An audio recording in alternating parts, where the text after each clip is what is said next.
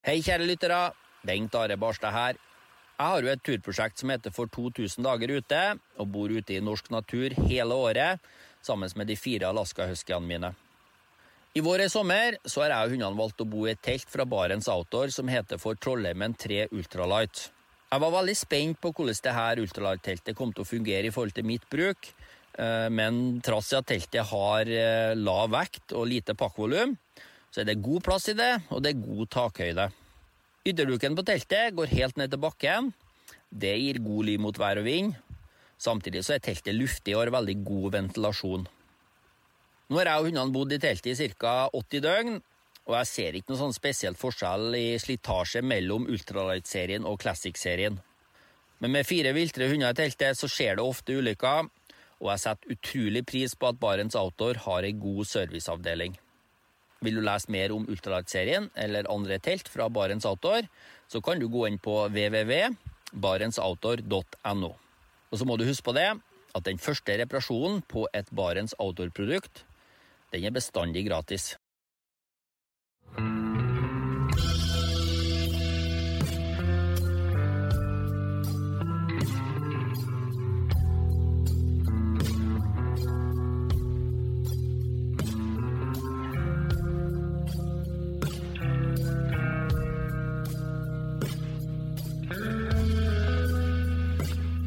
Hei og velkommen til podkasten Uteliv.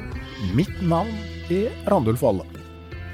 Før jeg introduserer dagens gjest og tema, så har jeg litt informasjon til dere.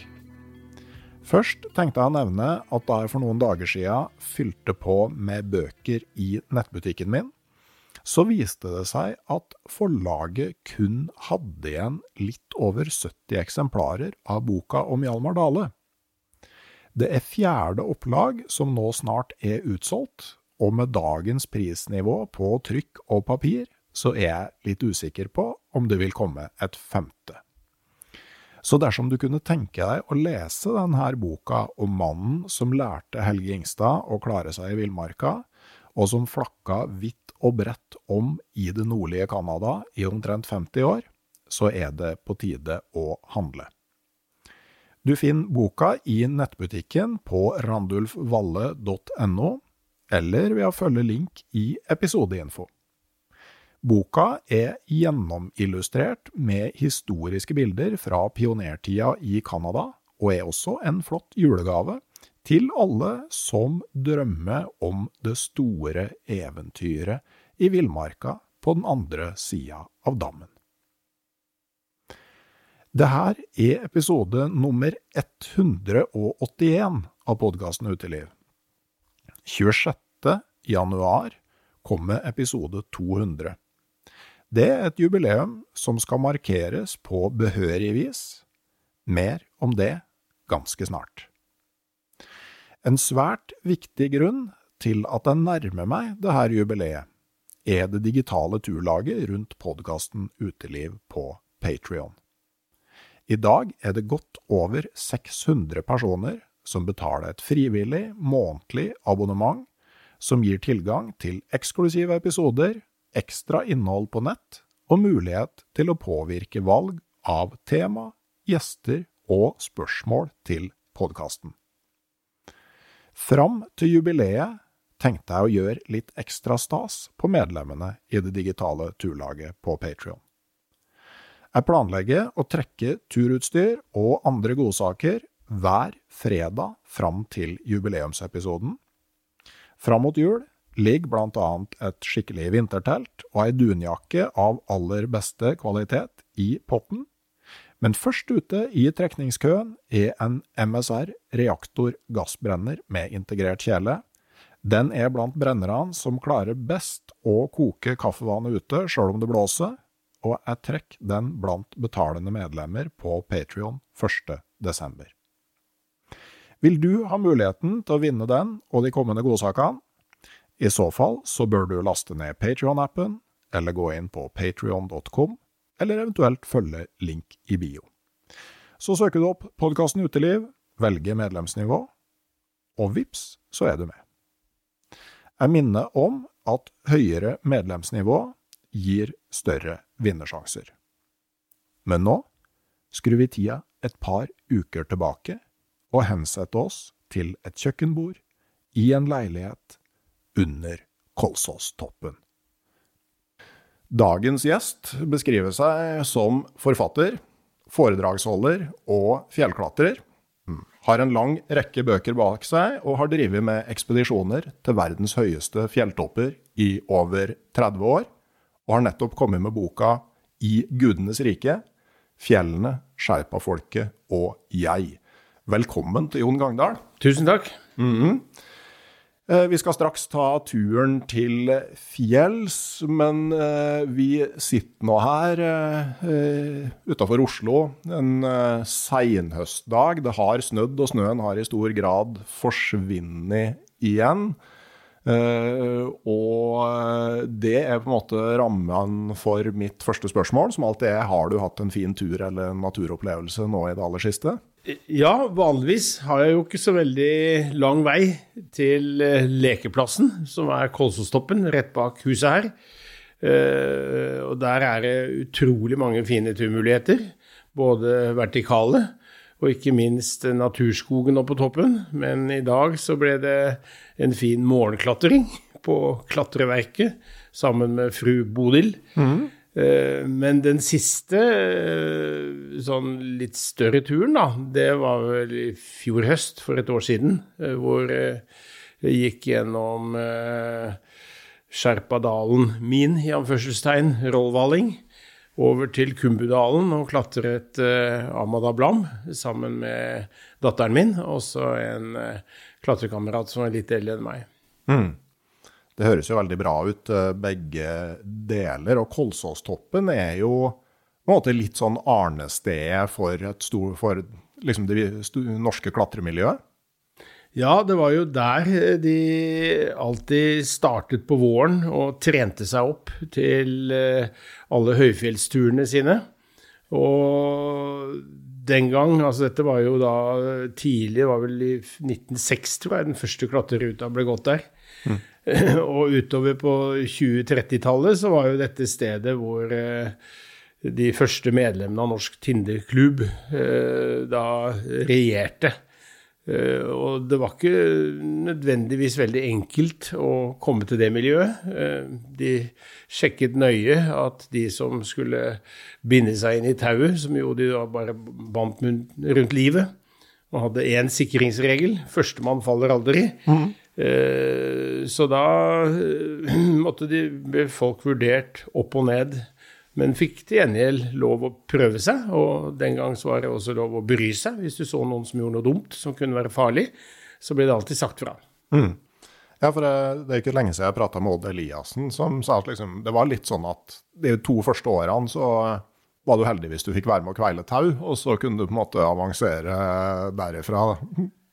Ja, det, det var jo et veldig sånn tydelig hierarki. At uh, nybegynnere de uh, måtte prestere før de iallfall fikk lov til å binde seg inn i den skarpe enden og lede, da. Ja, Men hva var veien din inn i klatringa? Det var jo via naturen. Jeg tror vel at For det første så hadde jeg to foreldre som var veldig glad i å ta oss med på tur. Kanskje litt vel mye uh, noen ganger. Men så var jeg med i Speideren eh, i mange år, hvor jeg da fikk anledning til å bli veldig Jeg kom veldig tett på naturen. Var på flere turer aleine. Og så begynte jeg å gå i fjellet, og så uh, aleine. Uh, ofte med et lite telt. Og, og så traff jeg oppe i Trollheimen en kar som uh, vi endte vel Som vi slo følge med. Han gikk også alene, en som het Torstein Skanke. Og så husker jeg vi kom til Innerdalen, og der var jo mange klatrere. Da var det sånn skikkelig uhyggelig stemning, hvor uh, en hadde ramla ned, og det hadde vært en redningsaksjon, og de satt og snakket om doble soveposer og alt tenkte. Og det vi bestemte oss da vi gikk derfra, det var at vi skulle iallfall ikke begynne å klatre. Så møttes vi, så måtte han nedom Sunndalsøra, hadde glemt noe, jeg gikk en annen vei. Så møttes vi igjen på Dovre, og så sa vi farvel til hverandre på Kongsvoll. Eh, og neste år så møttes vi igjen på brekurs på Finse. Ja. og, det var starten. Så syns jeg nokså fort at det å gå bortover på breer og lete etter sprekker, som vi så forsøkte å unngå å falle ned i. Mm. Det ble litt uh, ensformig og kjedelig. Og dermed så begynte vi å klatre allerede høsten 1975, da. Uh, og så har det vel bare balla på seg. Første klatretur var vel på Grefsen, en sånn fin liten vegg der. Og så ble det Kolsås, og så ble det Sunnmøre og Hornane. og og så ble det Alpene og Sør-Amerika og Himalaya. Så jeg tror det har liksom gått veldig gradvis. Eh, ja. Mm. Ja, for eh, jeg, jeg, mener også, jeg husker jeg har lest noe om sånn vinterbestigninger i Norge og sånn, som dere har drevet med? Ja da, det, det, ble etter hvert mye klatring. Og særlig etter at jeg i 1979 flytta til Hemsedal eh, og jobbet to år i skandinavisk høyfjellsutstyr det var jo midt i smørøyet med klatrere fra hele verden. Og da lærte jeg jo både teknisk klatring i storvegger og ikke minst isklatring, som det den gang ikke var så mange som drev med. Altså klatre på frosne fosser. Eh, og det var nok det store startskuddet til eh, både vinterbestigninger og, diverse. Mm. Men øh, så biter jeg meg merke i boka di. Du, du, skriver sånn tidlig at du merka at du aldri følte deg ensom når du var på fjellturer alene. Og det var før jeg oppdaget at det å binde seg inn i et klatretau sammen med et annet menneske, og den gjensidige forpliktelsen det skaper, var enda bedre medisin mot angst for avvisning og usunn selvopptatthet. En følelse av frihet fra meg selv, og samtidig en fullkommen egotripp. Altså, det framstår som det på en måte òg er en sånn slags flukt fra noe annet, da. Ja, jeg tror nok at uh, Det vil si, det eneste stedet hvor jeg liksom følte meg ordentlig komfortabel, det var ute i naturen. Jeg husker jeg satt ofte og spikka sånn tidlig på våren, uh, helt alene ute i skogen. Og det var vel en oppvekst som uh, hvor det skjedde en del ting som eh, barn kanskje ikke har like godt av. Jeg har ikke så lyst til å gå i det, så mye detalj om det.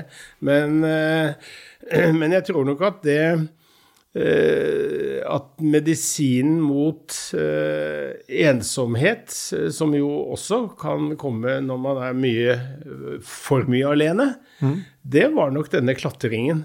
Hvor alt på sett og vis altså henger jo på du har eneansvaret når det er deg som leder, og, eller sikrer for den saks skyld, men samtidig så er det et fellesskap som knytter seg Eller hvor, hvor, du kommer veldig tett på folk. Og jeg tror Det var jo sånn jeg også traff kona mi mm. da jeg var leder for klatrekursene på, på Kolsås uh, etter at jeg hadde flyttet tilbake fra Hemsedal. Det var vel fra 84 til 6-87 eller noe sånt. Og da, da traff jeg jo kona mi. og hun meldte seg på, så tenkte jeg ja, kortversjonen er vel hvorfor ikke gi den peneste piken et par privattimer? men det var ikke akkurat sånn det skjedde. Men i praksis så ble det nok sånn. Og hun eh, Og det tror jeg nok er eh, det, det tauet eh, som da bandt oss sammen da. Det har jo bundet oss sammen siden den gang. Nå er vi vel snart, har vi snart vært sammen i 40 år. Så,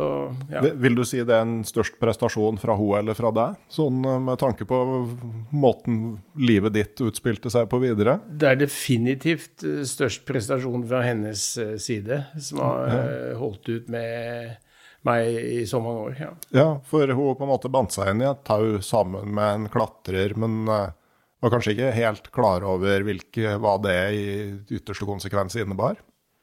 Nei, på den annen side så tror jeg nok at hun, fordi hun også syntes det var veldig moro å klatre, og vi feira jo de seks første julene med ordentlige sånne vinterbestigninger av uh, Store Skagastølstind, Austadbotntind, uh, Styggedalsryggen, Dyrhaugstind.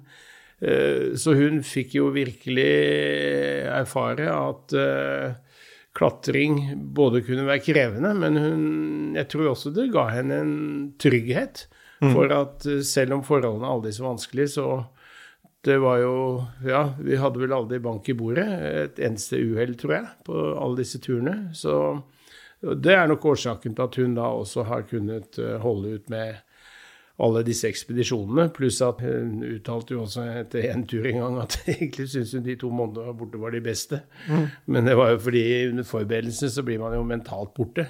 Ja. Så, og da vi også fikk barn eh, i 92 og 95, en gutt, eller Jens eh, og Anna, eh, så eh, så ble det jo krevende for henne selvfølgelig å være aleine hjemme.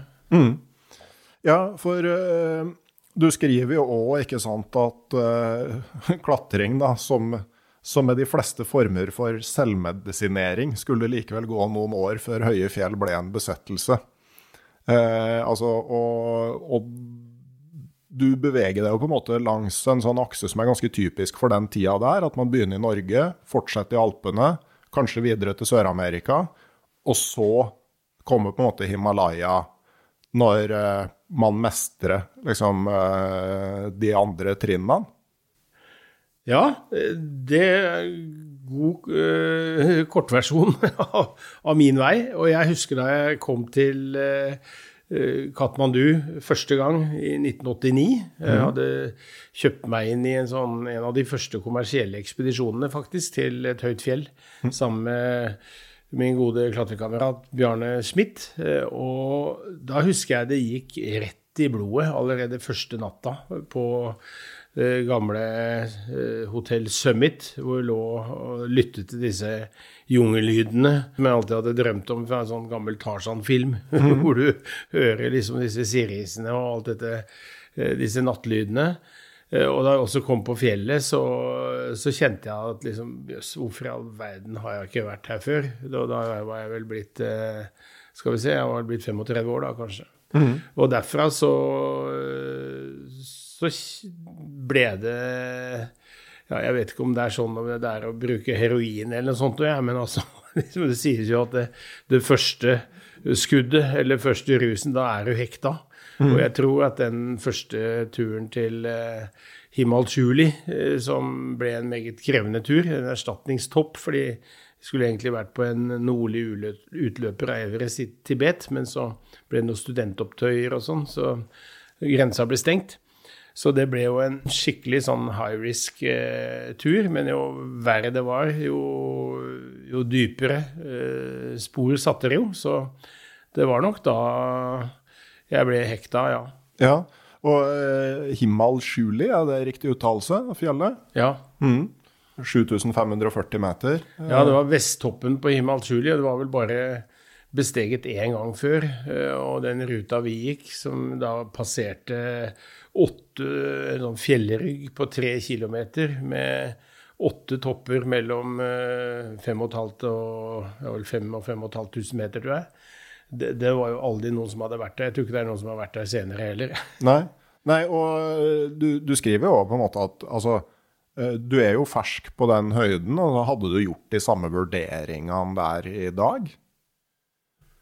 Ja, det vil si Nei, jeg tror nok at særlig den eh, veien til toppen, altså hvor det var en 100 meter høy eh, isvegg som var nesten loddrett, iallfall på Og så et langt platå uten en eneste merkestang, uten noe. Så hvis vi hadde fått dårlig vær på vei ned igjen da, så hadde det ligget der oppe ennå. Mm. Så, men jeg tror nettopp den derre eh, Den Ja, kanskje litt av den totale hengivenheten til eh, fjellet som man jo føler når man er eh, så eh, Hva skal man si Så langt fra folk, og, det er så høy risiko. Det, eh, det, det, setter jo dypere spor, tror jeg, enn når du går langs en motorvei med faste tau og du vet at du aldri passerer point of no return. Mm. Så det, jeg ser ikke bort fra at det var kanskje den den intense opplevelsen også av risiko, uh, og at vi greide å komme både opp og ned igjen. Mm. Så, som gjorde at uh, det ikke var noen vei tilbake fra ja. flere ja, høye fjell. Og at det nettopp er på en måte slitet og snøen og kulda du snakker om etterpå. da. Altså, Ja, jeg husker iallfall jeg kom hjem, og det eneste jeg klarte å tenke på eh, de første par månedene, var vel at eh, hvor fort kan jeg dra ut igjen og oppleve dette en gang til?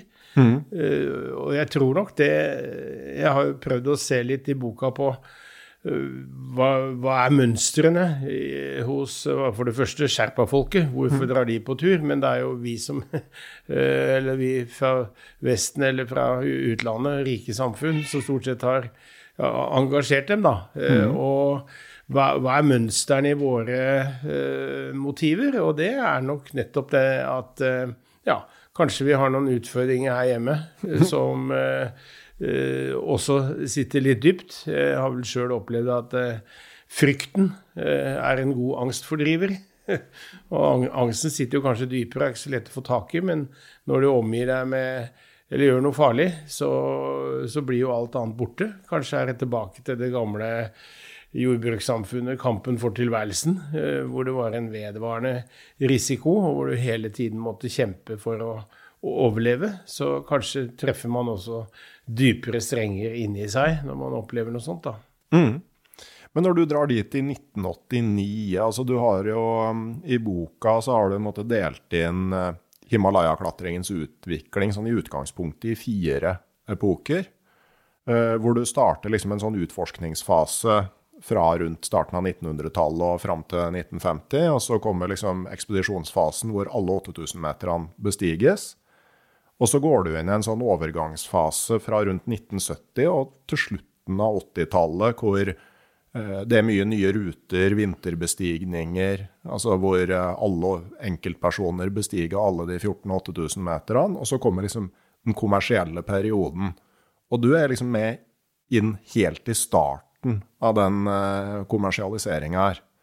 Eh, hvordan, altså, hadde du på en måte noen sånn følelse at det var noe brytningstid, eller følte du på en måte at du var der i samme tradisjon som f.eks. den norske Everest-ekspedisjonen fra 85, eller, eller det Reinhold Messner og Jerzy Kokoska hadde drevet med?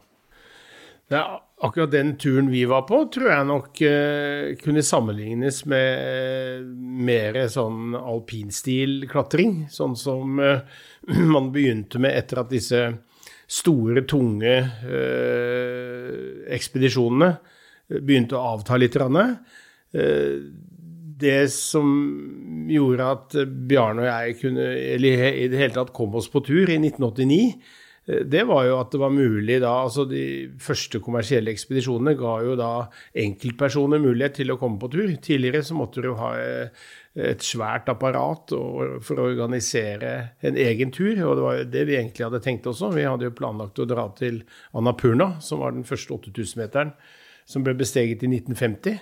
Men så klarte vi ikke å skaffe penger, så var det bare Bjarne og jeg som hadde klart å skaffe 50 000 hver. Og så sa alle de andre ja, men da får dere dra på tur. Og så kjøpte vi oss inn. Første gangen jeg merket uh, den kommersielle perioden, var vel først i 96. Mm hvor det jo virkelig tilta. Men i mellomtiden så var jeg jo på en tilsvarende, en, en ren alpinstiltur på Tirismir i Pakistan i 1991. Og der hadde vi jo ikke Vi hadde bære opp til 4500 meter, ellers så gjorde vi jo alt på fjellet sjøl. Mm. Eh, og, og, når du snakker om alpinstil, da er det på en måte rett til topps i ett støt uten å etablere mellomleirer først? Ja, altså du, du, du gjør iallfall all jobben på fjellet sjøl, da. Mm. Eh, du kan jo hende du går opp og etablerer en leir, og så går ned igjen, og så henter mer og går opp. Men du, du du, eller at du også tar deg en tur ned til basecamp, men det er altså alpinstil er vel regnet som at du bærer, altså du bærer, gjør hele jobben sjøl, da. Mm. Så ideelt sett så, så, flytter du deg bare oppover fjellet hele veien. Men der hvor vi gikk, så var det såpass vanskelig at vi måtte legge opp noen faste tau noen steder da, for å ha en, eh, en sikker retur. Ja. Mm.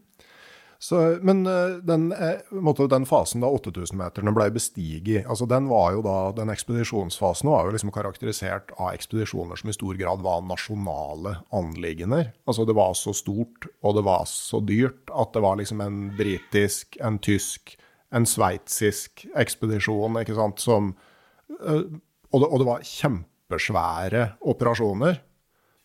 Ja, de, de, aller fleste. Altså britene, de, Det var jo de som startet dette racet i 1921, da, med den første rekognoseringsekspedisjonen. Og da hadde de jo prøvd seg både på Nordpolen og Sydpolen, eh, og hadde jo tapt kampen om de to polene. Og da var det jo bare The Third Pole, som verdens høyeste fjell ble kalt den gang.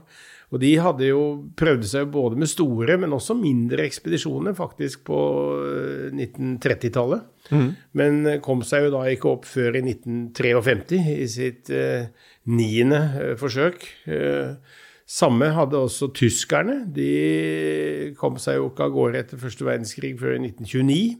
Men hadde jo også like mange forsøk på eh, De switcha mellom Kanchenjunga, eh, helt øst i Nepal, verdens tredje høyeste fjell, og Naga Parbat i Pakistan.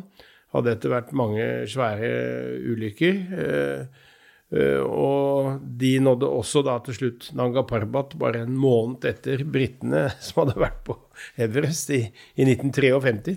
Så det var et sånt nasjonalt race den gang, da, som jo det også var til Sydpolen, i, da Amundsen slo Scott.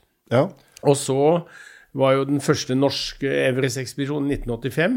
Mm. Men vi hadde vel også en slags nasjonal eh, ekspedisjon til Everest i 1994, hvor vi skulle bli den eh, første norske Everest-ekspedisjonen som besteg Everest fra Tibet-siden. Mm.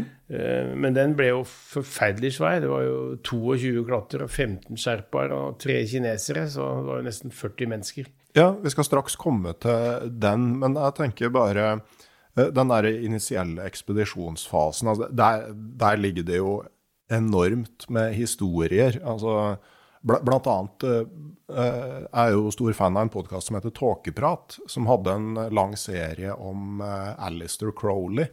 Ja. Kjent som verdens ondeste mann. Ja. som òg var høyt oppe på K2, eller ikke sånn kjempehøyt oppe, men han var jo en del av en K2-ekspedisjon ganske tidlig på 1900-tallet. Ja, han var også på Kanchenjunga, ja. eh, og var en underlig skrue. Jeg studerte han ganske mye da jeg skrev en bok om Kanchenjunga, som okay, bare er utgitt i Katmandu. Mm. Og han var jo fullstendig gæren, og hadde jo når det f.eks. omkom folk på hans ekspedisjon, så hevet han knapt et øyebryn. Så han var jo en eh, Han kan si at vi, de aller fleste av oss som har vært på sånne turer, har vært på egotripp, men han var jo en superegoist. Som vel bare var ute etter å, ja, sine egne eventyr. Og rotet seg jo inn i Eh, sånne massevis av sånne åndelige sirkler eh, som eh, jeg tror han hadde problemer med å komme ut av. Ja, det, han er en, en, svært spesiell karakter som, som, veldig ofte dukker opp igjen i populærkulturen. Han er jo på cover av Beatles sin Sergeant Pepper-plate. Ja, ja, ja. Og så er det jo Ossie Osborne har jo en egen sang om Mr. Crowley. Oh, ja. ja. Det visste jeg ikke. Det er liksom en av de signaturlåtene han har. Så eh, han, han, er jo sånn uh, gjennomgående sånn der uh, populærkulturell figur, men var også da klatrer på, på 8000 ja, ja, meters topper.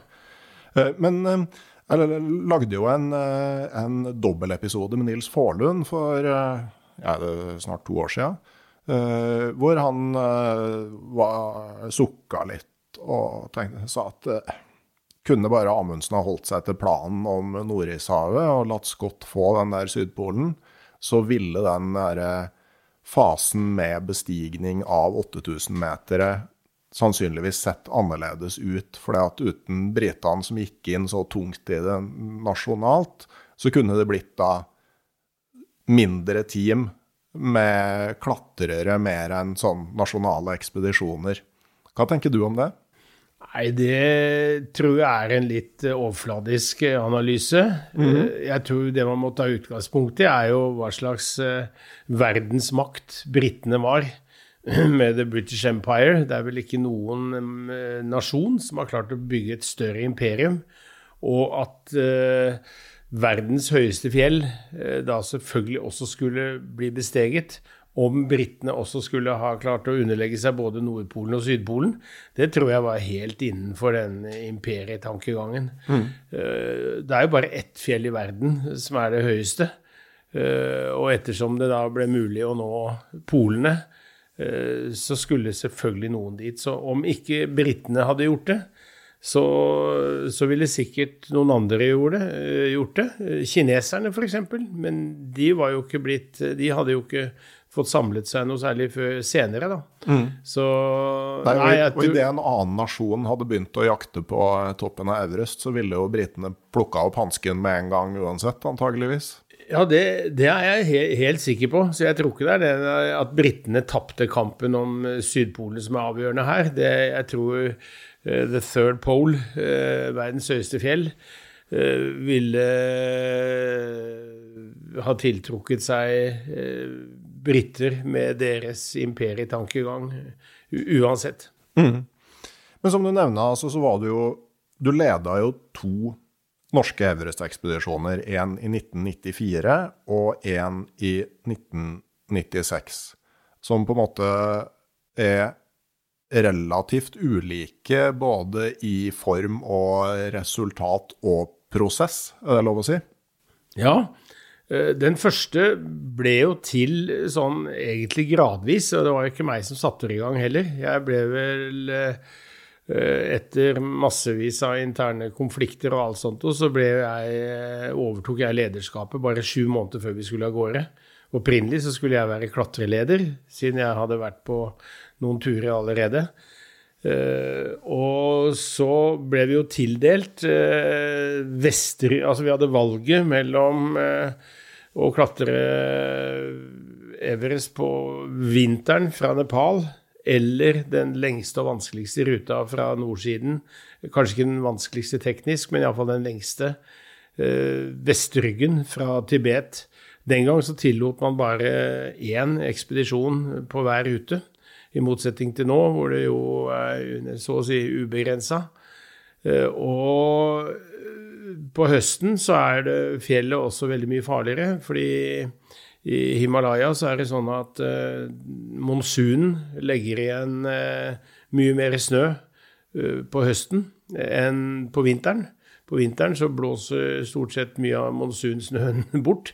Det faller selvfølgelig noe ny snø også. Men eh, fjellene er egentlig farligere eh, da. Og det var vel vår eh, manglende erfaring med ikke minst samarbeid med sherpaene som gjorde at vi gjorde en kardinal feilvurdering etter et eh, Og det falt en halvmeter snø i løpet av en natt, og da, da innstilte vi jo klatringen. Eh, bare to dager, hvilket var eh, altfor kort. Fordi da vi gjenopptok klatringen på den tredje dagen, så var det ni stykker på fjellet, seks sherpaer og tre norske. Og plutselig så løsnet det et snøskred som da uh, traff alle ni. eh, og en som først ble oppgitt å mangle, som muligens ikke var inne på de faste tauene, han fant vi da ved foten av fjellet under bare litt snø. Og etter bare en time, men han var både død og lite pen å se på etter å ha ramla 600 meter ned og 200 meter utafor falllinjen. Eh, Jeg var da akkurat på vei til leiren ved foten av fjellet da jeg så skredet. Jeg greide til og med å ta bilde av det. Og var den som fant eh, den døde. Og min første reaksjon var vel dette er mitt ansvar som leder, selv om jeg ikke hadde vært direkte involvert i de vurderingene som ble gjort akkurat på fjellet det, i de dagene før. Men der var jo de mest erfarne klatrerne, så jeg hadde jo ingen innvending mot det. Eh, Men så merket jeg jo etter hvert at det var ikke bare en følelse av ansvar, det var jo en følelse av skyld. Vi befinner oss jo oppe i toppen av denne berømte Maslows pyramiden, hvor vi eh, mer eller mindre permanent i vår del av verden, og, og drar jo på disse turene fordi vi enten skal kompensere noe, eller søke noe eventyr, eller læring, eller hva det måtte være. Mens for sherpaene, som befinner seg i motsatt ende, og den gang så var dette eneste alternativet til eh, sånne byttebaserte småbruk oppe i denne Rollvallingdalen hvor de kom fra. Eh, Så deres motivasjon var, og er jo til dels ennå, at dette er den eneste jobben de kan. Eh, Altså den eneste måten de kan tjene noe penger på. Så barna deres kan få utdanning, eller de kan få et litt bedre og sikre liv, en sånn hånd til munn som de har levd opp i dalen der i eh, flere hundre år. Og så dreper fjellet en fattig når det burde vært en rik. Selvfølgelig grad det burde vært noen i det hele tatt. Det fins noe rettferdighet i denne verden. Mm. Ja, og, og, det er jo flere ting å ta tak i her, men la oss begynne med altså, en sånn stor 8000 meter ekspedisjon. For, for, begge to, både 94 og 96, altså det er jo mange personer involvert. Selv om det er mange flere involvert i 94 enn i 96, så er det liksom en stor mengde personer som eh, skal gjøre noe sammen. Og jeg tenker at det framstår jo på en måte som en like stor utfordring i personalhåndtering som i klatring. Ja, det, det, var en veldig krevende ekspedisjon å lede. Og jeg hadde leda en ekspedisjon tidligere, til Tirikmir. Da var vi atskillig færre. Men hadde vel også da gjort uh, alle de feilene som er mulig å gjøre som leder. Det var vel knapt uh, læring ved prøving og feiling, det var vel bare prøving og feiling. Mm -hmm. og gikk jo rett inn i noen av de samme fellene i, på denne 94-ekspedisjonen, hvor ja. jeg Eh, bestemte eh, stort sett. Eller jeg hadde vel en sånn lederstil hvor jeg Vi hadde stort sett daglige møter, da, iallfall i starten, eh, hvor jeg da redegjorde for dagens fremskritt og tilbakeslag. Og så fortalte jeg hva jeg hadde tenkt å beslutte for morgendagen. Og i begynnelsen så kom det en god del forslag til andre andre ting, men uh, etter hvert så ble det færre og færre. Og jeg tenkte du verden så mange gode beslutninger jeg treffer. Mm -hmm. her er jo alle mer og mer Her er jo konsensus hele tiden. Det de andre hadde uh, forstått, var jo selvfølgelig at det var ikke noe vits i å komme med noe forslag. jeg gjorde som jeg hadde bestemt allikevel. Og det Jeg tror nok Jeg vet ikke helt om det Eh, den ulykken var en konsekvens eh, av det. For i mellomtiden så hadde jeg jo da blitt kalt inn til et møte med kan man nesten si fagforeninga, eller noen av deltakerne.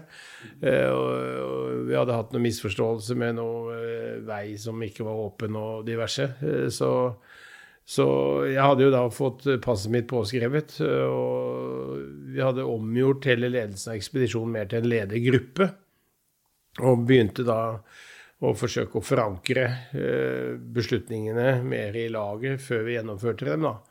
Men eh, det var vel først i 96 at at takket være en eh, som da hadde vært HR-sjef eh, hos en av sponsorene våre, eh, Ernst og Young, en, het, en organisasjonspsykolog som het Jan Christoffersen. Det var jo da vi gjennomgikk hele denne 94-ekspedisjonen og så på liksom hvordan det hadde gjort, at jeg skjønte at hvor, ja, litt mer om hvordan et lederskap burde være. Og da tre av oss uh, fant ut at det er bare én medisin mot så mye sorg, skuffelse og skyldfølelse som vi sleit med, og det er å prøve igjen, så ble jo han faktisk med på den uh, neste ekspedisjonen. Og da var jo lederstilen helt annerledes. Mm. Ja, hvordan Altså Hva var det du endra på? Sånn konkret? Ja, det var jo For det første, i 94 så hadde det jo vært et veldig sterkt skille mellom oss eh, norske og sherpaene. Så de ble jo eh, etter hvert mer eller mindre bare informert om hva vi hadde, hadde besluttet. Jeg hadde selvfølgelig kontakt med lederen deres, en som het Navang Jonden Sherpa, som er blitt en veldig god venn, eh, om eh, hva mener han, øh, og sånn, men, men, vi fikk jo ikke utnyttet deres kunnskap om fjellene, og som de selvfølgelig har mye mer av enn vi har. Så det vi gjorde i 96, for det første så kvarterte vi laget. Øh, vi ble fem norske. Øh, en tsjekker og en italiener, og tre sherpaer bare. Og det var av de mest erfarne som hadde vært med i 94. Og så eh, fant vi ut hvordan er det vi skal få, få, dette laget til å fungere. Så heldigvis hadde vi et rundt basecamp-telt. Og i stedet for at eh, dette langbordet som vi hadde i 94, hvor ekspedisjonslederen satt på enden, og så satt de mest erfarne klatrerne, og så aller nederst så satt liksom sherpaen og kjøkkengutten og, og, og, sånn. Så miksa vi alle, så alle satt rundt. Så vi brøt ned også fysisk dette tradisjonelle hierarkiet mellom sahiber, kan du si, som jo var de gamle koloniherrene, og kulier, som er altså tjenerskapet. Eh, og det gjorde jeg, og så gikk vi trinnvis fram. Så i stedet for å eh, liksom si ja, neste uke så skal vi nå Nordskaret, eh, og da må vi ha med sånn og sånn og sånn og sånn. Er det noen som har noen andre innvendinger? Eller noen andre forslag? Det var sånn jeg ville gjort i 94. Så spurte vi er det realistisk, eller hva skal være målet for neste uke? Helt åpent spørsmål. Og da var jo alle nokså enige at jo, Nordskaret eh, på 7060 meter, det kan være innenfor. Jaha, men hva vil det si å ha nådd Nordskaret? Er det bare å få opp en taustump? Er det å få opp et telt? Er det å få opp flere telt med så mye utstyr at vi kan eh, begynne på ruta mot leir 2, eh, som da skulle ligge høyere? Så vi gikk altså gradvis fram. Og hva eh, er de største utfordringene? Hvor mye snø og is er det? Og hele tiden så gikk ordet rundt. Og dermed så opplevde jo sherpaene at de behøvde ikke å eh, fordi vi også stilte helt åpne spørsmål, så behøvde ikke de å liksom prøve å gjette seg til hva vi ville at de skulle gjøre. De kunne rapportere til sin egen erfaring og til sin egen faglige dyktighet. Og dermed så fikk vi jo et mye mer eh, solid eh, beslutningsgrunnlag når vi også fikk ut av dem. Eh, og de funka jo. Det var jo noen som kom til oss og lurte på sånn Where the hell did you find these supersherpas? Og så sa jeg well, they are our friends. Mm. Så vi klarte altså Oi, friends, som ja, får de ikke betalt? Jo, jo, de Fikk jo kanskje mer betalt, til og med. Men, men, det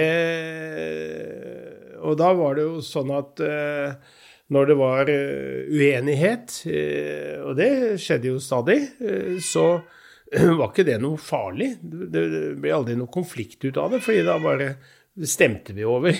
altså I den grad det var sånn Hva tror vi er det riktigste? Og så traff traff jeg til slutt en liksom Ok, men da foreslår jeg at vi gjør sånn og sånn og sånn og sånn. Ja, greit. Og alle fikk jo da rett i løpet av denne prosessen. sånn at, ja. Ja. Men, men, er det på en måte sånn tradisjonelt et problem at det er, har vært vanskelig å, å få sherpaene til å si sin egen reelle mening? Ja, det er min erfaring. At uh, og som jeg har også gått en del igjennom, og som jeg syns var faktisk noe av utgangspunktet for den boka jeg har skrevet, det er jo dette asymmetriske forholdet som alltid er mellom eh, eh, fattig og rik, eh, liten og stor, eh, ja, medarbeider og leder, eh, ansatt, eier. altså hvor den som da føler seg nederst på rangstigen. Eh, det ser vi jo f.eks. på barn. Eh, altså hvor lojale de kan være mot uh, dårlige foreldre. Mm. Enten de er voldelige eller ruser seg eller hva, hva de enn gjør, på barnas bekostning. Og jeg har jo opplevd nok det på de første ekspedisjonene, at det var vanskelig å få sherpaene til å fri seg fra dette asymmetriske forholdet. Men fant da ut i 96 at, eh, at ved å eh, inkludere dem i laget, altså fysisk faktisk, eh, og stille helt åpne spørsmål, i motsetning til i 94, så ble jo dagen etter, snø, altså etter dette snøfallet så var det jo en som spurte You think we can start to climb tomorrow? Uh, hvorpå de sa oh yes, uh, oh yes, ristet på hodet. Nei finnes visstnok ikke i sherpaspråket. de, de signaliserer uenighet, uh, heller med manglende entusiasme, kan man ja. kanskje si. Uh, og så var det en som hadde vært på tur, mer på tur med sherpaene før, som sa jeg tror kanskje ikke de er helt enig. Og så stilte de et åpent spørsmål dagen etterpå. When do you think we can start climbing? Men da husket de jo selvfølgelig ja. svare, altså, føringene fra spørsmål dagen før, så da svarte de jo selvfølgelig 'maybe tomorrow'. Mm. Så du har bare én sjanse til å stille et helt åpent spørsmål. Og jeg tror det ofte mangler eh, i mange eh, altså hierarkisk oppbygde organisasjoner. Eh, dem finnes jo mange av. Du har uformelle lederskap, selv om lederen er aldri så lojal.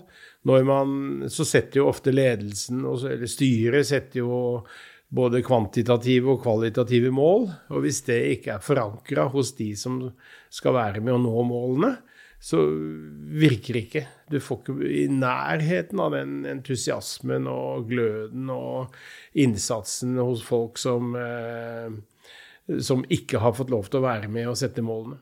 Nei. Nei, og jeg har jo på en måte vært borti litt sånn forskjellige folk i ledelsessammenheng, og noen er jo veldig flinke til å få gjennom sin mening. Eh, men det kan jo hende at noen andre i gruppa faktisk har en bedre idé om hvordan ting skal gjøres. Og det må jo liksom være et sånn viktig lederskapsmoment, at du har en stil som gjør at du faktisk får utnytta kompetansen du har i gruppa du leder. Ja, og da tror jeg folk må føle eierskap. Jeg pleier å, av og til å si når jeg holder foredrag, at jeg, jeg, er blitt så gammel at jeg har funnet ut at vi mennesker egentlig bare er gode til to ting. Det ene er det vi har funnet på sjøl, og det andre er det vi tror vi har funnet på sjøl. så du må jo lage en prosess. Altså, du er nødt til å loope eh, målprosessen og eh, altså valg av arbeidsmetoder ut i laget sånn at folk føler at det er deres eget. Jeg holder nå på med andre utgaven av en jubileumsbok om eh, eiendomshuset Malling, eh, som var det første i Norge som eh, altså begynte med næringseiendom som et eget forretningsområde. Og de består nå av et konglomerat av masse små og store selskaper som de lar nyansatte eller eh, allerede eksisterende ansatte får lov til å lede og få en liten eierandel i. Mm. Fordi de ser at eh, ved at folk da får lov til å utvikle sine egne ideer, så, så blir det bra. Og det er faktisk et liten, lite eventyr av en sånn bedrift hvor man altså har latt lar altså ansatte eh, og alle medarbeidere eh, faktisk eh, får lov til å være med på hele prosessen. Får de altså, Nå har de blitt kåra til det beste meglerhuset er jo to eller tre år på rad, tror jeg. Hmm. Og dette har jo vært min erfaring også på disse ekspedisjonene. Det, ekspedisjoner er jo et slags sånn laboratorium det er egentlig for lagarbeid og lederskap. Fordi hjemme, eller her hjemme sånn i det daglige så går jo ofte ting eh, mye langsommere. Det kan utvikle seg ukulturer, det kan utvikle seg misnøye og, og, og, og, dårlige resultater over lang tid, og det er ofte ikke så lett å ta tak i. På en ekspedisjon så skjer alt i løpet av et par måneder. Mm. Og det betyr at du får jo virkelig altså den daglige lakmustesten på om det du har forberedt, det du har avstemt av forventninger, det du har gjort, og om mål er tydelige, og hvorfor vi egentlig er her. Eh, den får du daglig, og derfor så er dette egentlig mange overføringsverdier til hverdagen. Mm. Uh, og i tillegg så har du jo på en måte en sånn Når du lager et forsøk, da, et eksperiment, som du på en måte kan kalle det, et ledelseseksperiment, så tenker jeg i tillegg så har du jo den faktoren at i en sånn ekspedisjonssetting så har du jo veldig sterke personligheter eh, ofte. Eh, liksom når du leser om klatrere på 8000-metere, så eh, det, det, er ganske sånn sterke personer og store egoer som treffer hverandre der. Definitivt. Og alle har jo Særlig kanskje på disse nye ekspedisjonene som ikke er nasjonale anliggender, og hvor det er altså det norske flagget eller trikoloren eller et eller annet som skal plantes på toppen. Hvor alle er innstilt på at uh, alle vil ha en følelse av suksess hvis bare én eller to har nådd toppen. På nye ekspedisjoner så vil jo alle opp. Uh, og det betyr at uh, når alle har samme ambisjoner, og kanskje også samme erfaring, så, så, så, så, vil jo alle i prinsippet kunne gjøre ekspedisjonslederen rangen stridig hver eneste dag. Eh, men igjen så, eh, så, tror jeg erfaringen er da at hvis alle da får lov å være med å bestemme, eh, og komme med sine synspunkter, i det minste Jeg tror kanskje ofte at når noen føler at de ikke får bestemme, så er det mer at de kanskje ikke har fått lov til å komme med sine synspunkter. Mm. Uh, og det er ikke noe problem å lage Altså, du må ha en kommandostruktur. Og i kritiske situasjoner så er du nødt til å ha et lederskap. Så du kan ikke, du kan ikke lage en helt flat organisasjon. Det tror jeg ikke noe særlig på. Uh, det går kanskje i fredstid, men, men ikke når det drar seg til. Da må noen kunne ha det, eller én må kunne ha det avgjørende ordet. Mm. Men det er jo ikke nødvendig å bruke eh, hver dag. Nei. Uh, et sånn innspill, da, for at, uh, det er jo ganske mye idrettsfolk òg som da eh, projiserer erfaringene sine over i næringslivet. Det var en interessant kommentar fra en bekjent av meg. Han har jobba på, på et sykehus.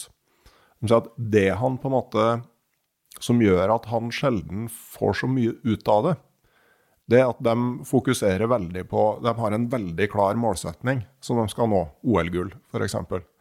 Mens i en kompleks bedrift som et sykehus, så er nettopp det å enes om målene ikke sant? Altså du har for små ressurser. Og det å eh, både velge mål, men også at målet må være fleksibelt fordi at eh, Fordi at du kan jo ha tatt feil med hva som er målet. Og det er både en sånn ekspedisjonssetting og en sportssetting, er jo ikke det så utprega, tenker jeg. Der er målsetningen klarere og tydeligere og mer bestandig. Ja, øh, jeg, tror nok at overføringsverdiene fra toppidrett er nok, kan være store sånn i forhold til det å prestere. Altså det kan ha noe med holdning og prioritering og sånn å gjøre. Men uh, i veldig mange virksomheter, og det opplever man jo også på ekspedisjoner, så er ofte målene mye mer uh, utydelige. Hva er f.eks. et vellykket sykehus? Mm. Hva er et vellykket uh, politi? Hva er, er, at de bekjemper all kriminalitet, eller hvor mye kriminalitet skal de f.eks. bekjempe? Hvor mange pasienter skal bli friske på et sykehus? Eh, og det jeg tror man ofte glemmer, det er jo at det, det, jaktes ofte Det lages ofte mange sånne, eller kanskje mer i det private næringsliv, da. Så lages det ofte kvantitative mål. Man skal nå et uh, visst antall millioner, og skal ha et visst antall uh, millioner også på bunnlinjen. Men hva er forutsetningene for å nå det? Jeg var så heldig å være flue på hopplandslaget eh, under Mika Kojonkoskis ledelse. Han finske hopptreneren som jo omgjorde mange av disse gamle kulhopperne til verdensrekordholdere og olympiske mestere, hva de nå ble for noe alle sammen. Og han sa jo at eh, jakten på det perfekte skihoppet, det er ikke jakten på stilkarakterer og lengdemeter, men på forutsetningene for å få det til. Mm. Hva er det erfaringsmessig som skaper gode resultater? Og hva er det erfaringsmessig som skaper dårlige resultater. Og så er det å legge forholdene til rette for at det blir flest mulig som skaper best mulig resultater. Og det går på mental innstilling, det går på trening, det går på øh, samhandling, ikke minst. Eh, og da hopplandslaget var på sitt aller beste Jeg tror også at Andreas Støkkel har fått til noe av det samme, eller omtrent det samme. så så kunne du ikke vite eh, hvem som hadde hoppa, og hvem som ikke hadde hoppa. Eh, når de da gledet seg over eh, en som nådde eh, Altså som vant, da. Da Sigurd Pettersen f.eks. vant hoppuka i 2003-2004, så sier han 'Vi vant', men jeg var så heldig å komme øverst på pallen. Ja. Og den vi-holdningen tror jeg er dessverre eh, ganske mye på retur. Nå er det jeg som skal lykkes. Eh, nå er det jeg som skal få til eh, noe. Eh, og det ser man jo også utfolde seg på veldig mange av disse nye ekspedisjonene, hvor det er altså haugevis av individualister som alle skal på toppen. Og hvor det jo er Jeg vet at det er veldig krevende å lede, lede sånne folk. Mm. Uh, men det var jo litt sånn ikke sant, Den 1996-ekspedisjonen ble jo en suksess. men du kom ikke til toppen, og Liv Arnesen, som også var med, hun kom vel ikke lenger enn til Advanced Base Camp? Hun akklimatiserte rett og slett ikke? Nei, det viste seg at hun Hun var vel kanskje mer vant til å gå bortover enn oppover. Ja. jeg, vet ikke, men, men, det skjer med noen som har store problemer. Men hun viste seg jo, til tross for at hun altså hadde gått aleine til Sydpolen, så viste hun seg å være en lagspiller av rang. Så i stedet for å dra hjem når hun selv ikke kom på toppen, så gjorde hun faktisk noe av den viktigste jobben. For dette utvikla seg jo til den verste ulykkessesong på fjellet inntil da. Med dødsfall på dødsfall, særlig på sørsida. Det var ikke så mye medieoppmerksomhet på nordsida, men der var det like ille. Og hun tok jo hele medietrykket og Uh, var jo en helt suveren uh, dame å være på tur med. Altså. Ja, for Litt sånn reft det du sier om hopplandslaget, da, ikke sant, med vi, så husker jeg fra Jeg vet ikke om det er den boka du har skrevet nå, men den boka som var fra den Everest-ekspedisjonen, så blir Liv Arnesen da konfrontert med ja, hvordan var det med fiaskoen på Everest. Ja, nei, hjem, var... hun, skjønner ikke spørsmålet. Nei, det var en nabo som eh, lente seg over hekken, tror jeg, og som sa 'Nå, hvordan føles nederlaget?' Ja. Uh, og så, så, skjønte ikke Liv hva hun mente. Uh, ja, nederlaget på Everest. Eh, ja, men det var da ikke noe nederlag, så vi fikk jo åtte av ti på toppen. Ja. så hun Og jeg var jo også eh, veldig lykkelig eh, som at jeg hadde lykkes i å lede en ekspedisjon eh, som ble så vellykka. Mm så grunnen til at jeg ikke kom på toppen, var jo at jeg prøvde Jeg hadde vel litt for mye sånn Jeg skulle vise sherpaene at jeg var minst like mye sherpa som dem. Så, en eller annen sånn misforstått måte å kompensere det dårlige resultatet i, i 94, så jeg hosta jo på meg et ribbeinsbrudd ja. i høystleiren og tenkte at det er kanskje ikke lederens viktigste oppgave å ligge som en klamp om foten på laget, liksom under motto 'følg meg, jeg mm. kommer kanskje etter'. ja, men, eh, og, det, og, det, er jo på en måte uh, Fra de som har vært på Kilimanjaro, så hører jeg liksom det aller første du får beskjed om, hva enn du gjør, ikke prøv å henge på bærene. Eh, og, eh, ja. så, så, så du, du, synder mot den aller første regelen man lærer på Kilimanjaro? Ja, ja, jeg, jeg, jeg, får si til min unnskyldning at jeg har ikke vært på Kilimanjaro. nei, nei så har ikke gått Granland, nei. nei. Men, men, det var jo, eh, som du sier, altså 1996 var jo det ulykkesåret som, skal man si, blei udødeliggjort gjennom boka 'Into Thin Air', eh, med ulykkene på kommersielle ekspedisjoner på sørsida. Men sånn paradoksalt nok, med, i dag tenker vi jo at man har kommunikasjon overalt i verden. Men dere som da var på nordsida av fjellet, hvor media hjemme i Norge henvendte seg til dere for å få info, så var jo dere egentlig de siste som fikk vite hva som skjedde på sørsida. Uh, ja, vi fikk vel vite mye via, uh, via mediehenvendelsene, ja. Og det var jo et voldsomt trykk, fordi uh, her hjemme så visste jo ikke de hvilken side vi var på på fjellet. Everest er Everest. Ja, Everest er Everest, ja. Så selv om det altså ville ta, ville ta to uker å reise fra nordsida på Everest og til sørsida, hvis du skulle iallfall fra basecamp til basecamp, men eh, Så det var jo avisoppslag eh, hvor vi hadde trukket kølapp til døden og trosset dødsfjellet, og det var jo ikke uh, måte på. Men Liv fikk jo tatt dette sånn brukbart ned, da. Men det som skjedde, var jo Det vi så på vår side av fjellet også, det var jo også tilsvarende kommersielle ekspedisjoner. Og noen var jo faktisk helt uten lederskap. Det var bare en haug med klatrere som hadde slått seg sammen og delt ekspedisjonstillatelse for å spare penger. Og det vi også så på sørsida, det var jo altså de svakeste sidene ved kommersielle ekspedisjoner. Jeg syns jo at det var veldig positivt da det var mulig for enkeltmennesker å kunne kjøpe seg inn i en, inn i en ekspedisjon. Men det vi også så, var at mange hadde jo da, eller flere av disse firmaene som det gikk aller galest med, de hadde jo reklamert eh, med 100% Everest Success overfor ja. deltakerne sine. Fordi året før, 1995, da var det veldig gode forhold. Da var det altså, også meteorologisk høytrykk. Så det ble sagt at selv eh, sånne gjennomsnittlig 7000 meter klatrere, de bare labba opp på toppen. Jeg har sett bilder fra toppen da, de går jo bare i ulltrøye. Mm. Mens normalt så trenger du jo full underdress og alt sånt òg. Og dermed så sto det jo fryktelig mye på spill.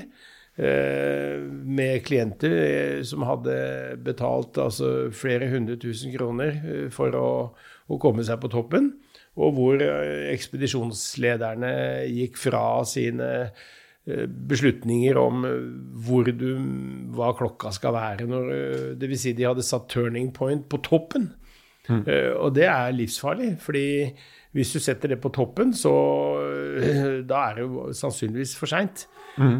Man må sette turning point mye tidligere, eh, før du liksom har fått eh, ferten av at det er mulig å nå til topps. Ja.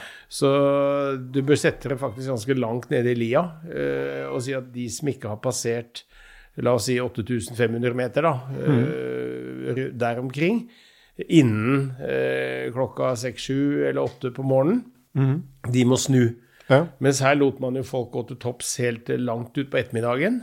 Mm. Og ettersom det alltid bygger seg opp eh, lavtrykk eh, utover eh, ettermiddagen, fordi det lokale lavtrykk, fordi det eh, Altså opphetet luft fra dalene, det omdanner seg jo da til eh, lokale sånne vind- og, og snøsystemer. Så Eh, så er det veldig krevende å komme seg ned igjen. Og det var jo det som skjedde da var mellom 10. og 11. mai i 1996. Mm. At, uh, og så hadde du jo guider uten oksygen, ikke sant, som, uh, som da ikke Som mente at de selv fungerte best med det. Men det er jo ikke noe tvil om at hvis en guide som da kunne fungere uten oksygen, hadde hatt med seg oksygen allikevel, så ville han jo kunne gitt det til klientene sine. Mm. Så det ble jo Så jo og på vår side av fjellet så så vi også at ekspedisjoner som ikke hadde gjort den eh, hjem, grundige hjemmeleksa som vi gjorde sammen med Jan Kristoffersen hadde vært gjennom Han kjørte oss gjennom psykologiske tester, og vi hadde jo flere seminarer hvor vi avstemte forventninger og utfordringer og alt. Eh, så så vi at de, de, gikk fullstendig i oppløsning. Folk løp rundt på fjellet mer eller mindre som ville kaniner. Tok inn i telt hvor de fant noe. Vi jo, fikk jo plutselig en fremmedspråk inn på radioen vår. Så tenkte vi det ligner jo litt på italiensk, men det kan jo ikke være Fausto, for han sitter jo her. Mm -hmm. så var det meksikaner som var blitt etterlatt i teltet vårt og lå og sippa oksygen og brukte primus og sånn, eh, og etterlatt av to kamerater oppi der. Eh, og med store forfrysninger, så han kom seg jo ikke ned igjen alene. Så måtte vi delta i en redningsaksjon og fullstendig ville forhold, altså. Og det var jo et resultat av nettopp disse mer eller mindre kommersielle ekspedisjonene, som ikke hadde noe lederskap eller noe uh, Hadde ikke bygget noe lag i det hele tatt. Nei, men, men også en stor på en måte offisiell indisk ekspedisjon dere var der eh, samtidig med, hvor det gikk veldig gærent? Ja, og den, der var vel eh, lederskapet også eh, høyst eh, tvilsomt. De sendte jo fem stykker opp på fjellet, hvor heldigvis to snudde. Men tre omkom jo der oppe, og de kunne jo kanskje vært reddet av en japansk ekspedisjon. Jeg ble jo involvert i det, for jeg kjente han som da var sirdar, eller leder for sherpaene på en japansk ekspedisjon. Han var min gode venn fra 94, han hadde vært leder for sirdar på den ekspedisjonen, Navangyonden. Eh, så jeg satt jo hele natta og forhandla mellom japanere og indere om ikke de kunne prøve å redde iallfall én av de inderne som muligens fortsatt var i live der oppe, i stedet for å gå på toppen. Men de gikk jo på toppen allikevel, da, først. Og så spurte jeg men hvorfor prøvde ikke en av Sherpa-kameratene mine, da, eller brødrene til han Avagnonen, hvorfor prøvde de ikke å redde han eh, siste, på vei ned igjen i det minste? I think he was 70 dead. Ja. så det var ikke noe de kunne gjøre allikevel.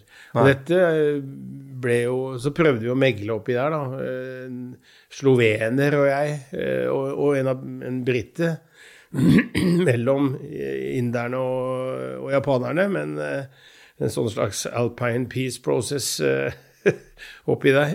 Men det funka ikke, så det ble jo noen sånne diplomatiske greier og sånn også dette. Men da så vi også litt av dette uh, at uh, du uh, Altså mangel på ansvar eller menneskelighet, som jo har vært tema på flere senere ekspedisjoner, da, altså hvor man, man går forbi døende både på vei opp og ned, mm. mens egentlig så gjelder jo det samme prinsippet eh, på høye fjell som på sjøen. At du prøver å redde folk, uansett hva som måtte være årsaken til at de havna i vanskeligheter.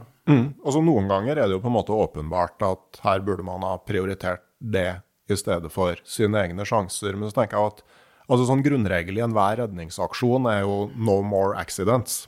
Ja. Ikke sant? Altså du, hvis noen har gått gjennom tynn is, så må du også passe på at du ikke ender på det samme stedet i den samme knipa. Og jeg tenker høyt på en 8000 meter. Det er jo et ekstremt krevende sted å skulle redde noen. Ja, så jeg vil si over 8000 meter så er det de som ikke Eller har satt seg i en situasjon hvor de ikke greier å medvirke til å bli reddet, de er det ingen andre som kan redde heller. Og derfor så ligger det jo ganske mange eh, døde mennesker både her og der. Normalt så blir de ofte dratt ut av ruta, eller de, de blir lempa utfor, sånn at de finner en grav eh, i en eller annen brene under fjellet. Eh, men ja, Er det sånn at du fortsatt må undertegne et sånn body disposal Eh, form, altså et sånt skjema med hva som skal skje med kroppen din hvis du omkommer på 8000-meterne? Nei, Nei, det har jeg faktisk aldri vært borti. Jeg, jeg mener jeg har lest om det at uh... Det er jo noen ekspedisjoner som gjør det altså for sin egen del. Altså ja. de avtaler seg imellom. Mm. Men det er ikke noe sånn at uh, myndighetene avkrever noe, uh, noe, noe sånn. Det er jo ikke noe annet redningsapparat høyt på 8000-meterne enn andre ekspedisjoner. Eller at man da mobiliserer noen eh, Eh, så mm. det, det, er, det, er, litt opp til eh, altså eh, de enkelte klatrerne sjøl å redde hverandre. Altså Litt sånn som på sjøen. Mm. At, bortsett fra at i norske farvann så har vi jo sjørednings... Eller redningsskøyta, men den fins ikke på, på høye fjell. Nei, for det, for det er jo ikke noe tvil om at det her å klatre 8000 meter det er definitivt en, en risikoaktivitet. Og så kan man jo se eh, Avisene er jo veldig glad i å snakke om dødsrisiko. Og det er jo flere måter man forsøker å beregne det her på. Det vanligste er jo det som er en sånn summit to fatality ratio. Ja, og det er jo eh, Der er det veldig mange misforståelser. Mm. Fordi normalt Mange sier jo at eh, altså de regner dødsstatistikken opp mot toppstatistikken. Altså hvor mange er Hvor mange prosent døde er i forhold til hvor mange som har vært på toppen. Ja, summit to fatality. Ja, og, og, det blir jo helt feil. For sånn som særlig på K2 og flere andre fjell, så er jo ikke de som har vært på toppen Det er ikke flest av de som dør, det er ofte flest av de som ikke kommer på toppen. Mm. Hvor det kan være Det er jo like krevende å komme seg ned fra 8400 meter som fra 8006, ja. omtrent. Slik at det, du må regne, er Og dette regna jeg på en gang, husker jeg, hvor det var altså Det var vel for åtte-ti år siden hvor det var Eh, også noe sånn én av fire kommer ikke hjem igjen. Eh, mm. Og da viser jeg da hadde man nettopp gjort det regnestykket. Så gikk jeg gjennom alle tallene på hvor mange som hadde forsøkt på fjellet. Altså hvor mange som totalt sett hadde klatra på fjellet. Altså et eller annet eh, Og dette er det Himalayan Database, som er de som registrerer dette offisielt, da. som er regna ut. Og der kan du se hvor mange er som er definert som klatrere, hvor mange er det som har vært på toppen, og hvor mange som er omkommet. Og da fant jeg ut at risikoen på 8000-meterne da, den varierte fra 2,1 til 2,8 ja. Det vil si altså to eller tre kommer ikke av 100 omkommer. Og, da blir det jo Altså det er selvfølgelig høyt i forhold til mange andre aktiviteter, men det er jo noe helt annet enn at det liksom skulle være 20-30 ja. Og det viser seg jo også at noe av det som drar prosenten voldsomt opp, sånn som et fjell som Manaslu f.eks., der har det ofte omkommet sånn 15 og 20 i slengen pga. Uh, svære skred. da. Mm. Uh, og, mens på andre fjell så er det kanskje én og én, eller to og to. Så, så, så, det er liksom helt meningsløst. Uh, med alle disse tallene. Så, så, jeg konkluderer vel med at eh, ja, det er farlig å klatre fjell over 8000 meter. Derfor så må du bruke god tid eh, til å lære å leve og lese fjellet. Og jeg fant jo ut da vi skulle på Kanchenjunga, en eh, svensk kamerat og jeg, i 2009, så viste det seg at det, det hadde nettopp vært eh, 50-årsjubileum eh, for førstebestigningen, som da var i 1955, uten at det var en eneste ekspedisjon på fjellet. Ja. og så listet de opp. Det var Explorers Web, som er et eh, bra nettsted for sånt, eh, som da listet opp 10 reasons for not climbing Kanchenjunga. Og det vi fant ut, var at Eh, både skred, stormer, eh, hva enn det måtte være av såkalt objektive farer, det kan du jo konvertere til Altså fra objektiv risiko til kalkulert risiko. Du kan lære å leve med fjellet, du kan lese fjell, du kan bruke ikke minst sherpaenes evne til å De kan jo lukte hva slags eh, vær det blir i. Fordi de kjenner om det lukter Tibet eller lukter Nepal. Så er det omtrent sånn som gamle norske fjellbønder og fiskere og sånn, som kunne stå på en helt blank dag, et eller annet sånt. Ja, nå kommer han! Mm. og så, noen timer etterpå, så smakk, så, så er, midt, er, du midt i snøkavet eller, eller stormpisket hav. Mm. Ja, for at, eh, det handler jo om måtte, eh, å jobbe med risiko Altså, hvordan, ja, sånn som på Kanchenjunga, altså, hvordan begynner dere å jobbe med risikoen på en sånn tur som det er? Ja, da begynte vi jo med Og de ti grunnene var jo egentlig et veldig bra utgangspunkt. Der sto det Nå var det riktignok noe av det som, som, eh, kanskje ikke var sånn eh, at Man ville ikke engang greie å skaffe sponsor til et fjell som het noe så plundret som Kanchenjunga. Ikke sant? Eh, men det var jo Vi begynte å jobbe f.eks. med skredfare. Hvordan kan vi hvordan kan vi unngå det? Hva skal være kriteriene for hvor mye snø skal det f.eks. må det da ha falt? Hvilke vindretninger er det som erfaringsmessig produserer skredfarlige snøfanner? Og hvilke er det som ikke gjør det? Og hvordan skal vi greie å Det viser seg at kanskje Njonga særlig det produserer sine egne ganske store værsystemer, i tillegg til disse jetvindene som da gjerne bygger seg opp i Persiabukta, og som, som, kan gå lavt. De hever seg først når monsunen når sørspissen av India, så skyver den foran seg en Weimluss-front. Og da eh, hever den disse jetvindene opp over 8000 meter toppene, da, slik at uh, du kan ha et ganske sånn sikkert vindu, som man kaller det, da, sånn gjerne i, altså like før monsunen kommer. Sånne ting kan du jo planlegge. Å beregne jetvindene viser seg veldig vanskelig, men det fins også bl.a. et sveitsisk meteorologisk institutt, et privat, som, som er ganske gode på det. Eh, og, og, og, så er det framfor alt å, å, ta seg nok tid, eh, er min erfaring. At du, du, må være der så lenge at du rekker å lese, leve med og lese fjellet. Eh, og på Kanchenjunga så gjorde vi det. Og der, og der var vi ikke i nærheten av noe uhell eller noe sånt i det hele tatt, enda det var jo ansett for å være et av de aller verste ulykkesfjellene. Mm. Men samtidig, så ikke sant, altså, det her er jo ting du kan jobbe med og kontrollere. Men det framstår jo også som en ikke ubetydelig del av risikoen den er knytta til de andre klatrerne på fjellet. Altså de konsekvenser av deres atferd, både direkte og indirekte. Altså som du sier på Everest, at du noen har uh, brukt opp oksygen og, uh, og, gassen til primusen. Det er jo eksempel på liksom, folk som har vært på toppen og kommet ned igjen, så er det faste tauet borte. Folk som utløser skred på deg. Altså, det må jo være vanskelig å kontrollere. Ja, det er vel først og fremst på Everest, tror jeg, hvor mm. vi jo har sett disse redselsfulle bildene av køene oppe på toppen. Og problemet på den ruta er jo at det, er så smalt bortover der at det er stort sett bare én som kan bevege seg av gangen. Uh, og så har, det jo ikke vært planlagt godt nok heller. Uh, jeg skrev vel en artikkel i Nepali Times i 2014 etter at uh, 20 sherpaer var blitt tatt av et svært is- og snøskred, og 16 av dem døde. og da skrev jeg at jeg tror hvis man hadde snudd perspektivet eh, fra å kalle dette en lekeplass for eh, rike folk fra den rike del av Østen og hele Vesten, eh, og omdefinerte til verdens høyeste og farligste arbeidsplass for sherpaene. Mm. F.eks.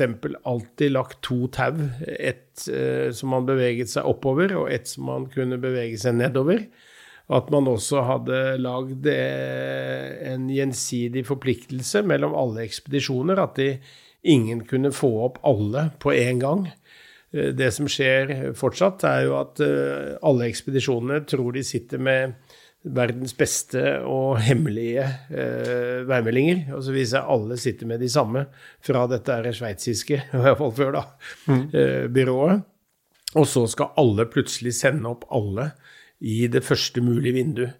Hvis du hadde uh, lagd en uh, kvoteordning og sagt at uh, fjellet tåler maksimalt la oss si mellom 50 og 100 klatrere, og også tatt høyde for at det kan bli et, en dags forsinkelse, slik at du kanskje må sette opp noen ekstra telt og sånn. Så hvis dette hadde vært planlagt i fellesskap, og ikke vært opp til hver enkelt ekspedisjon, så hadde det vært mulig å gjøre dette helt sikkert. Og så vil det erfaringsmessig i løpet av en sesong, hvis man da beregner seg nok tid og ikke skal komme raskest mulig opp og ned fordi man enten skal sette en rekord eller hva man skal, så ville man da sannsynligvis eh, om så helt i det siste sånn førmonsunvindu, som bl.a. Eh, Russell Bryce, eh, som jo ble kjent gjennom den Discovery-serien, han siktet seg alltid inn på det. Da var det ganske sikkert. Da var det gjerne tre-fire dager med, med eh, nokså vindstille og brukbart vær. Så, så, dette er rett og slett bare dårlig planlegging og dårlig logistikk. Og nå ser vi at nå har noe av dette flytta seg til eh, Manaslu, eh, hvor det jo er bedre plass på fjellet, bortsett fra akkurat oppe på toppen. Og det er jo også i ferd med å flytte seg til K2 i Pakistan i 2022, bl.a. da Frank Løke var der, og også Kristin Harila, så var det jo eh, så var det jo 140 mennesker på toppen i løpet av en dag. Det var jo aldri noen som hadde trodd. Nei. Men der er det jo også passasjer som, eh, hvor det bare er mulig å bevege seg, bl.a. under denne her overhengende isveggen og denne såkalte flaskehalsen, eller bottlenecken der oppe. Uh, hvor det er uh, altså klatre, andre klatrere som utgjør den største risikoen. Ja, men eh, sånn som på Kansjenjunga, altså der Du får jo en ganske ruskete tur ned igjen, du òg. Og det hele starter med et annet lag som ikke har nok primuser? Ja, det var jo eh, Vi hadde en koreansk nabo som viste seg å være samme lederen som da var delaktig i mye av den store ulykken på K2 året før. Eh, og som var ute i et sånt race sammen med en venninne som kunne bli eh, den første kvinne i verden som besteg alle 8000-meterne. Så vi havna midt oppi det racet. Det var vel fire damer, tror jeg, samtidig som kunne bli det, da. Og de eh, Allerede da de kom, så husker jeg en av sherpaene deres kom til meg, og så, en jeg kjente fra før, da, og så spurte eh, om de kunne få et lite møte med meg. Og så sier de ja, selvfølgelig. ja, Og så kom de, og så sier de at eh, Is it possible that we can go to summit together? Because we are a little bit afraid of Mr. Kim. Og ganske riktig, eh, da vi kom opp i den høyeste leiren, så hadde jo da Sherpaene hadde plutselig ikke noen primus, fordi koreaneren og hans venninne de skulle ha begge de to primusene som de hadde med seg. Og vi syntes jo litt synd på dem, så de uh, fikk jo låne en av vår, da, med det resultatet at uh, vi fikk altfor lite å drikke. Og for meg så ble jo det to, altså På vei ned fra toppen så gikk jeg da det første gang jeg har gjort på et høyt fjell, fullstendig tom. Uh, og viste seg at uh, ja, jeg hadde vel så lite væske at jeg Til slutt så satt jeg foran en sånn liten uh, snøvegg på fem meter, tenker jeg. Og, til og med med et fast tau og lurte på sånn, hvordan i all verden skal jeg komme opp der. Men heldigvis hadde jeg sendt en av sherpa-kameratene mine i forkant, da, som kom med en termos med te. Og da drakk jeg vel fire og en halv liter uten å pisse i løpet av natta. Så så da var jeg temmelig på hekta. Hallusinert og greier. Du, du, beskriver jo i boka at når han kommer med hodelykta, så, så, er det jo noe helt annet du tror eh, du ser?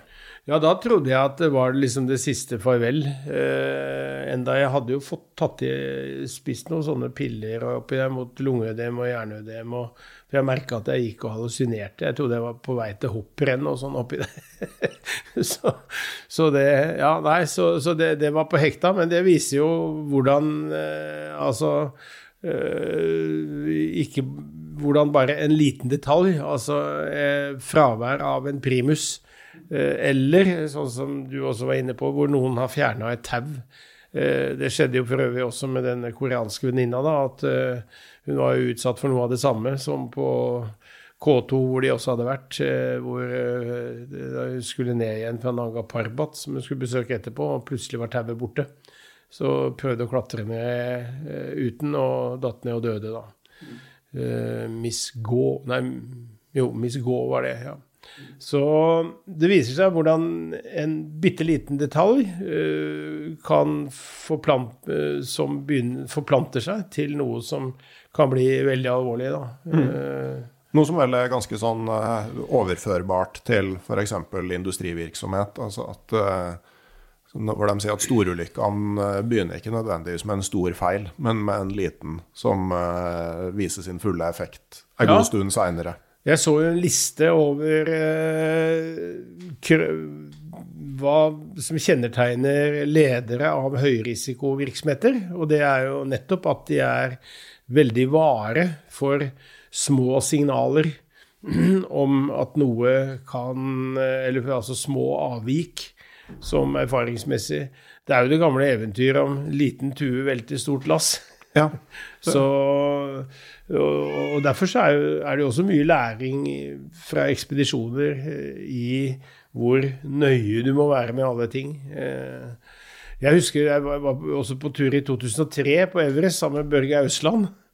Og det var virkelig imponerende. For det første var jo han eh, Jeg trodde han kanskje også var en sånn egofyr, men han var jo like bra lagspiller som Liv Arnesen. Og han, sånn som han hadde planlagt uh, sine ting altså Så bare hvordan han hadde eh, ekstra sikret bindingene på stegjernene, en ekstra stropp isøksa, hvordan han hadde Altså, det var skikkelig imponerende. Så han har jo også erfaring for hvordan altså detaljer, eh, hva det kan bety. Ja, jeg har hørt liksom sånn uh, at han er jo en klasse for seg sjøl. Hvis satellittelefonen er fra Motorola, så skal det stå Motorola på den kabelen du bruker til å lade, sjøl om det er en vanlig USB-kabel. Ja, ja. Til det nivået der. Det skal ikke være noe rom for noe Men samtidig så tenker jeg at ikke sant, Eh, det er en vesensforskjell på polferdene. Altså når du går flere sammen, da, Børge har jo gjort det til en sånn greie å gå alene mye, men når du er flere sammen, der er du jo helt avhengig av at alle kommer fram. Hvis ikke kommer ikke du fram. Altså Nei, På et høyt fjell så kan du altså Historisk så har man jo sett at noe, de som på en måte sluntrer litt unna i eh, det å etablere leirer og fikse tau og sånn, kan ha igjen mer krefter og større sjanse til å sjøl komme på toppen. Ja, altså Det som er viktig, og som vi så manglet fullstendig i denne fæle ulykkessesongen i 1996, da, og som vi også har sett senere, det er jo at hvis ikke alle har det samme bildet av uh, hvordan situasjonen er, og hvordan den kommer til å utvikle seg, og hva man skal gjøre videre framover, så går det alltid skeis. Eh, og det er jo igjen altså fordi du har altså alt fra veldig autoritære ledere, særlig når du møter en del av disse eh, asiatiske eh, og tidligere også til dels østeuropeiske ekspedisjonene, som jo Altså de, det lederskapet de har på ekspedisjoner, kjennetegner vel de landene de kommer fra. Altså mm. hvordan lederskap stort sett foregår der. Så så, så du jo også at det, en ekspedisjon altså, hvor ikke alle deltakerne, da, eh, som jo treffer andre deltakere på andre ekspedisjoner. Og hvis ikke de har altså, greid Hvis ikke lederne har klart å samarbeide, og også klart å skape forståelse inn i lagene for hva som er utfordringene, hvordan vi skal løse dem, og hva som skal være liksom, målene da, for ekspedisjonen, så, så, klarer de jo ikke å samarbeide seg imellom heller. Da blir jo alle gående rundt der og konkurrere på sine egne premisser. Eh, og dette er jo også veldig overførbart til virksomheter. Hvis ikke alle på laget, alle i en virksomhet, har en forståelse for hvordan man skal jobbe, og hva man skal oppnå, så, så, blir det jo skikkelig knirk. Og dette blir jo, altså i motsetning til en virksomhet, da, en, eh, i verste fall så får eh, politikerne som, som, leder et departement, litt smekk på fingeren og fy i ansiktet, hvis ikke de har klart å skape et godt lag av departementet sitt. I en bedrift så blir det i verste fall dårlige økonomiske resultater. Mm. Eller i verste fall konkurs på et høyt fjell, så er det døden mm. for en eller flere. Og det er mange eksempler på at det er eh, andre som er påført, altså som, er, som, er, årsak til at, eh, at, folk har omkommet, eller bare så vidt overlevd. Mm. Men en side ved det her, da, altså som du sier, det er en del kropper som ligger igjen på 8000-meterne. Og eh, bak dem, for hver person som ligger igjen der, så er det jo mange som sitter igjen. Ja. Og du nevner jo det i boka. Du refererer til en bok som rett og slett har fortalt historien til de som mista folk høyt på fjellet. Ja, det er en amerikansk dame som heter Maria Coffey, som var gift med en av verdens aller, aller beste himalayaklatrere, Joe Tasker. Hun øh, begynte jo å undersøke. altså Mannen hennes var jo som oss alle, eh, som drar på sånne turer. altså bare én tur til, eller eh, siden jeg har overlevd hittil, så, så vil jeg helt sikkert overleve framover også. Mm. Erfaringen er jo det. Eh, han døde da under første, eller et av mange forsøk på å bestige nordøstryggen på Everest, som var såkalt the unclimbed ridge. Og så bestemte hun Maria seg for at hun skulle sjekke hvordan er det nå egentlig alle disse klatrerne som er omkommet. Eh, det var jo flere av også hans venner, eh, mannens venner, da, altså, eller klatrekamerater, som hadde omkommet. Og det viste seg at de hadde alltid De hadde De var altså, kan vel si Eller vi, eh, inkluderer meg selv igjen, har vel vært eh, nokså lite empatiske i vår eh, higen etter stadig et nytt fjell, stadig etter en vanskeligere rute eller et høyere fjell. Hun fant iallfall at uh, veldig få av disse omkomne Himalaya-klatrerne hadde vært tilstrekkelig opptatt av uh, de som satt hjemme, uh, altså som oftest kone og ikke minst barn. Mm. De hadde altså Og det er vel det som jeg En av de tingene som iallfall jeg i boka bruker som indikasjon på at Himalaya-klatring kan bli Eller alpinisme, som det jo kalles internasjonalt. Det er ikke bare å kjøre ned på ski, men det er altså mm. alpinferdsel på høye fjell. Det kan gjerne sammenlignes med alkoholisme. Mm. altså det blir en slags besettelse. En avhengighet som jo påfører eh, Eh, omgivelsene, eh, venner og familie. Eh, store lidelser. så og da ser man jo også selve utgangspunktet, at det er jo en egotripp som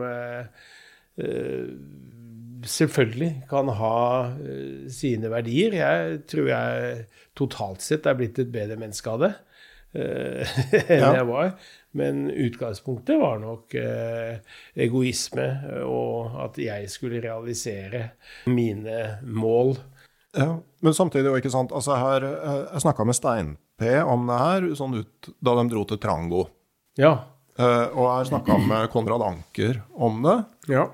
Uh, og spørsmålet mitt er det samme til deg. Altså, du dro til Everest med småbarn hjemme to ganger. Ja i 94 og 96. Uh, du vet at det er farlig, du har sett folk dø der, men har du innerst inne innsett at det samme kan skje med deg? Ja, jeg hadde jo i forkant av begge de ekspedisjonene, så øh, drev jeg intens øh, mental trening ved å øh, da gikk jeg veldig ofte enten seint på kvelden eller veldig tidlig på morgenen i mørket opp lia bak her. Eh, sånn fast renne i dypsnøen. Eh, gjerne uten votter og med veldig tung sekk, ikke noen skistaver eller noe. Og gikk og gjennomgikk de verst tenkelige scenarioene gang på gang på gang på gang. Jeg husker hva jeg Og etter at jeg fikk barn, så, så var det jo da denne lille gutten først, og senere disse to små barna. Liksom, hva vil de tenke eh, om faren sin eh, dersom det går gærent? Så jeg gjennomlevde eh, det eh, så intenst at jeg faktisk eh, noen ganger nesten ble eh, Følte at jeg nesten hadde noe i nærheten av posttraumatiske symptomer før jeg dro. Ja. Men jeg Og det jeg Når jeg likevel dro, så var det fordi jeg hadde en forestilling om, og det kan godt jeg tror nok kanskje det var riktig også, at jo, jo mer jeg har gjennomlevd dette i forkant, jo større sjanse er for at jeg overlever.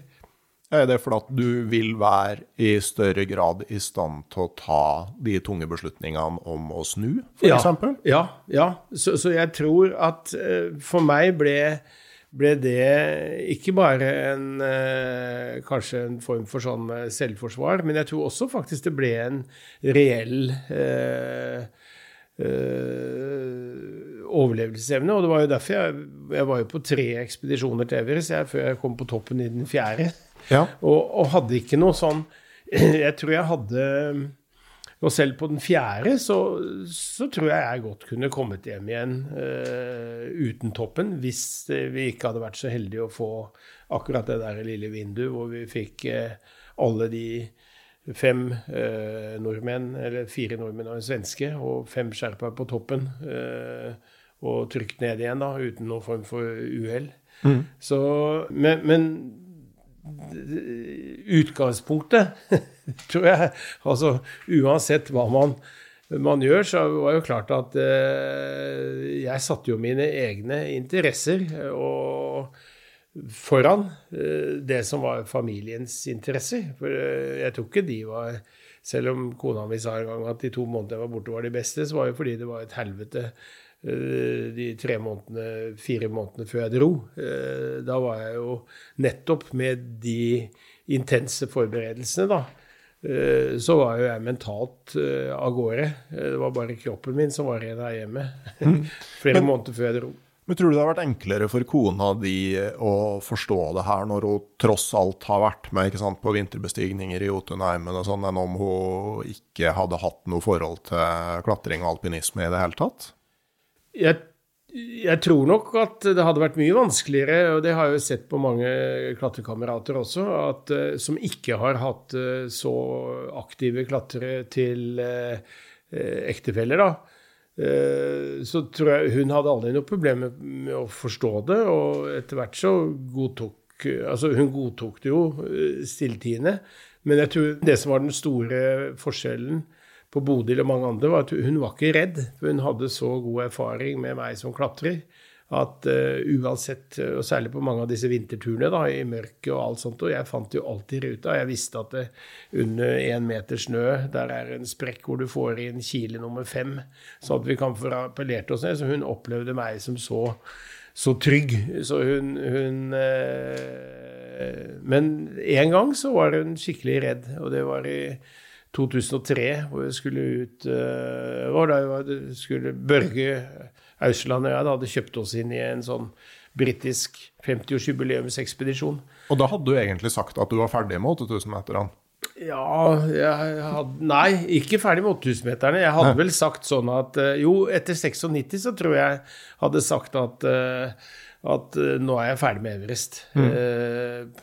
Og Morten Rostrup, eh, som var lege i 1996, og som jo kom opp i en fryktelig vanskelig situasjon oppi det, han, han tak, men han kom jo på toppen, da. Han takket jo definitivt nei til Everest, han, eh, han eh, etterpå. Han øh, viet seg jo isteden til Leger øh, uten grenser. Ja. så, og får jo litt utløp for for spenning der òg, kan man si. da. Men, ja. Ære være han for deg.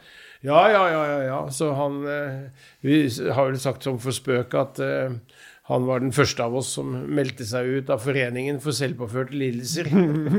og, og viet seg isteden til å hjelpe andre som mm. uh, som lider. Ja. Mm. Men Bodil var redd når du skulle i veien på Everest i 2003? Eh, 2003. Ja, hun, det var sannsynligvis et eller annet hun fornemmet. Mm. For Da, men da hadde jeg jo vært på både på Shoi og Shishapangma etter hverandre i 99. Jeg hadde vært på Manaslu i 2002. Veldig uten at det var noe dramatikk i det hele tatt. Jeg øh, hadde vært to skikkelig vellykka ekspedisjoner. Men så viste det seg jo også at jeg ble jo så uh, sjuk, så hadde vel lite med fjellet å gjøre, men elendig hygiene på denne britiske lavblussekspedisjonen. Så, så jeg fikk jo en sånn uh, streptokokkinfeksjon i, leveren av alle steder, så jeg var visst bare en millimeter fra game over da jeg kom hjem. Mm. Så det spørs om hun, hun hadde en fornemmelse av at noe kanskje kom til å skje allikevel, da. Ja, ja, for jeg merker sånn i boka her, når du snakker om fornemmelser og sånn, altså du eh, Du har jo på en måte fått et nært forhold til sherpaene gjennom årene. Eh, blant annet fordi dere tok dere av enka etter han som omkom på 94-ekspedisjonen. Ja. Du gjorde det som vel mange ekspedisjoner har sagt de skal gjøre, men ikke så mange har gjennomført. Eh, men de, jeg senser òg en sånn slags uh, tendens til at du også lever deg litt inn i sherpaenes mer sånn metafysisk og åndelig forståelse av eh, fjellverden, og med følelser og med ja, fjellene som er, kan være sinte? Ja, jeg tror nok jeg gjennom altså Særlig ved at jeg har vært så mye sammen med, med sherpaene på ekspedisjoner, men så har jeg også vært veldig mye oppe i den dalen hvor de kommer fra. Råvaling, eh, hvor jeg har hvor vi liksom holdt på å bli avfolket. Så vi satte i gang et sånt lite utviklingsprosjekt oppi der med å bygge skole og helsepost og mikrokraftverk og et par hoteller og litt sånn. Eh, for å forsøke å hindre at dalen blir avfolka, og det lykkes vi med. Så mm. nå, nå er det begynner å bli liv laga oppi der. Svær lamaskole og diverse. Så og jeg har jo alltid fornemmet liksom at det, det, er jo noen større krefter i tilværelsen enn bare oss mennesker. Mm. Uh, og jeg tenker Og jeg har jo flere opplevelser hvor, uh, hvor, hvor uh, altså noen Altså jeg tenker at når datamaskiner kan kommunisere med hverandre oppi en eller annen sky, så lurer jeg jo av og til på om kanskje vi mennesker også har de evnene. At vi, at vi, kan nå hverandre. Eller vi kan eh, Hvis vi overlater altså, altså, gir opp litt mindre av selvkontrollen mm. og bruker flere av sansene våre enn bare det mest åpenbare hvor de fleste er synet, så, så, så, så, tror jeg at vi kan kanskje fornemme mye mer enn vi er klar over. Mm. Altså at uh, i underbevisstheten vår så bor det jo minst like mye som det bor i bevisstheten. Og hvis vi greier å, å hente opp det, uh, så Så ja, nei, altså Det er jo flere historier også om uh, om sherpaer som har blitt advart mot og, av lamaene, altså disse lederne i, i munkene i klostrene, om å gå på høye fjell på visse tidspunkter og øh, altså ser at det, her ligger han til noe dårlig karma på et eller annet vis, og så, så skjer det jo faktisk at det, det går dårlig med dem. Så mm. Men, men, så sier jo realisten i meg at altså, da hører vi om de gangene, men lamaen vil jo ikke si fra om de gangene man har sagt at det her må du ikke gjøre, og så går det bra.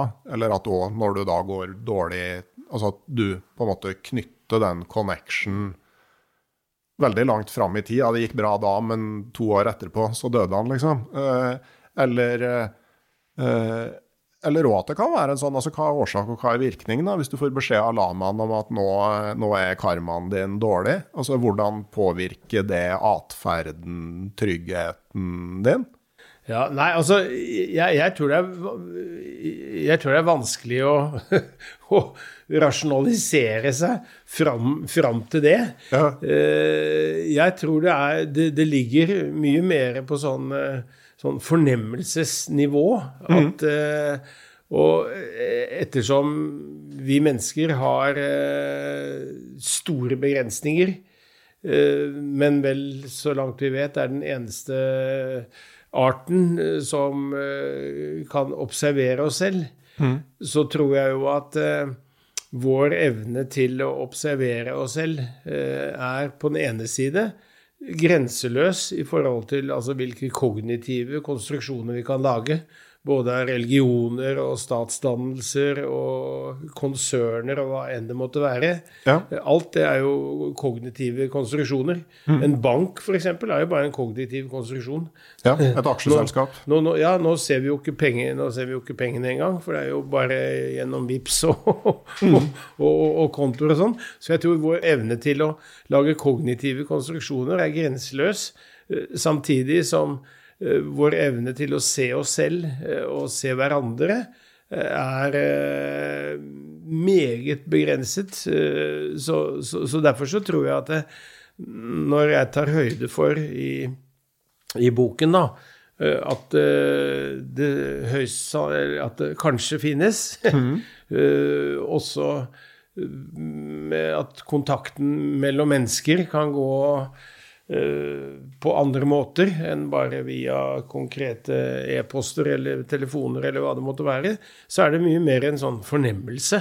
Mm. Uh, og det kan hende at uh, Jeg tror nok også at uh, den erkjennelsen av at mennesket har store begrensninger i den villeste naturen, det gjør jo også at det får en større ydmykhet. Så jeg tror vel at jeg har vært mye mer ydmyk overfor fjellene enn jeg f.eks. har vært overfor familien og, øh, og sånn, som jo kanskje nettopp er eh, egoistens øh, største utfordring. da. Det er jo mangel på ydmykhet. Mm. Men, men, betyr det altså Før man skal på et sånt fjell, så har man jo en seremoni. Sier man puja rett fram? Puja? Puja. puja. Ja.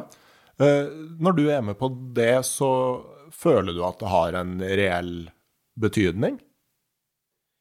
Det er iallfall en anledning eh, til å vie seg til eh, altså noe annet enn en selv. Mm.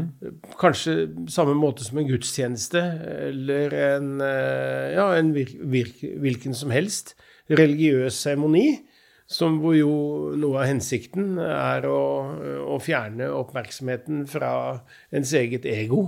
Eh, og nettopp hengi seg til større krefter.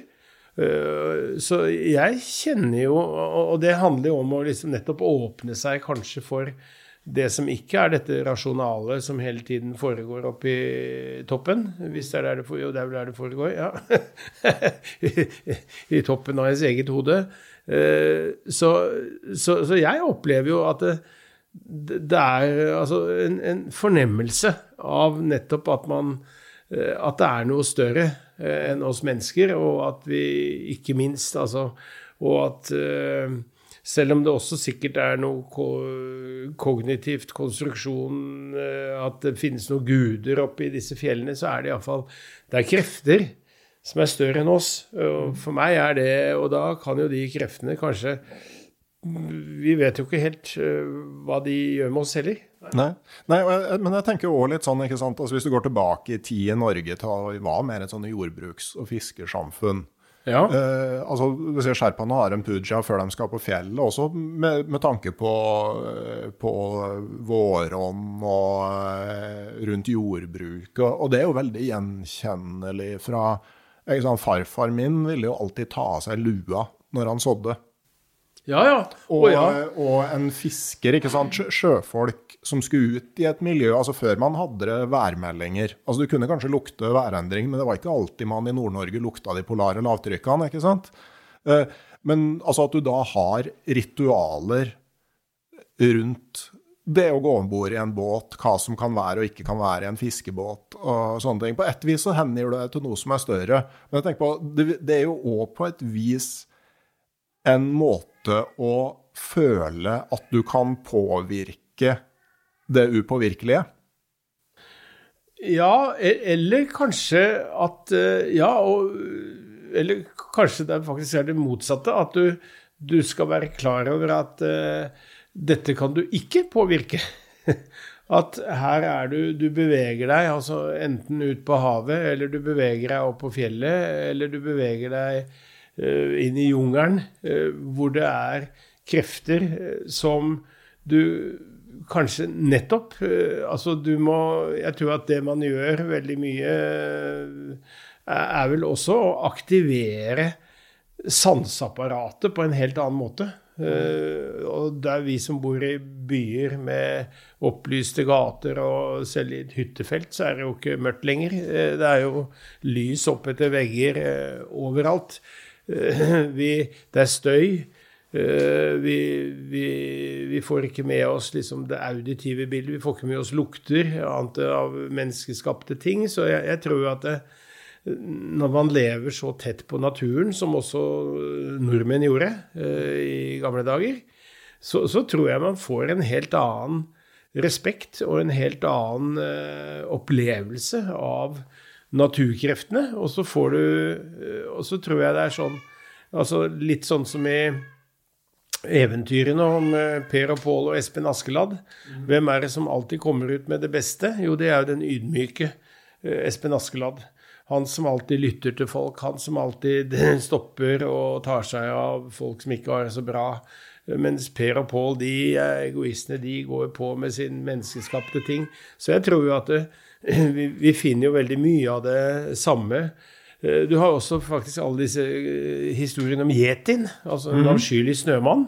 Ja. De har jo omtrent samme Og som jo sherpaene tror fullt og fast på, på samme måte som vi trodde på troll og, og huldrer og skrømt uh, i, i, i, Norge i gamle dager. Mm. Og, og, de har jo akkurat den samme strukturen Uh, du kan si hovmod sår forfall.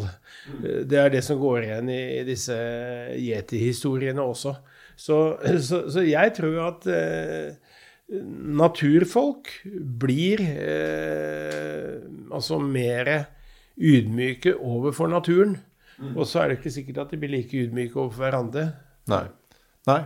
Så det store spørsmålet er de seremoniene. Ja, er de på en måte et uttrykk for å hengi seg til noe du ikke kan påvirke, eller er de et forsøk på å påvirke det upåvirkelige? Det kan vi jo la henge. Ja, altså det de ber om, sånn helt konkret, hvis man skal prøve å sammenfatte det, det er jo en, en eh, Altså fordi eh, snøgrensen representerer jo skillet mellom gudenes og menneskenes rike.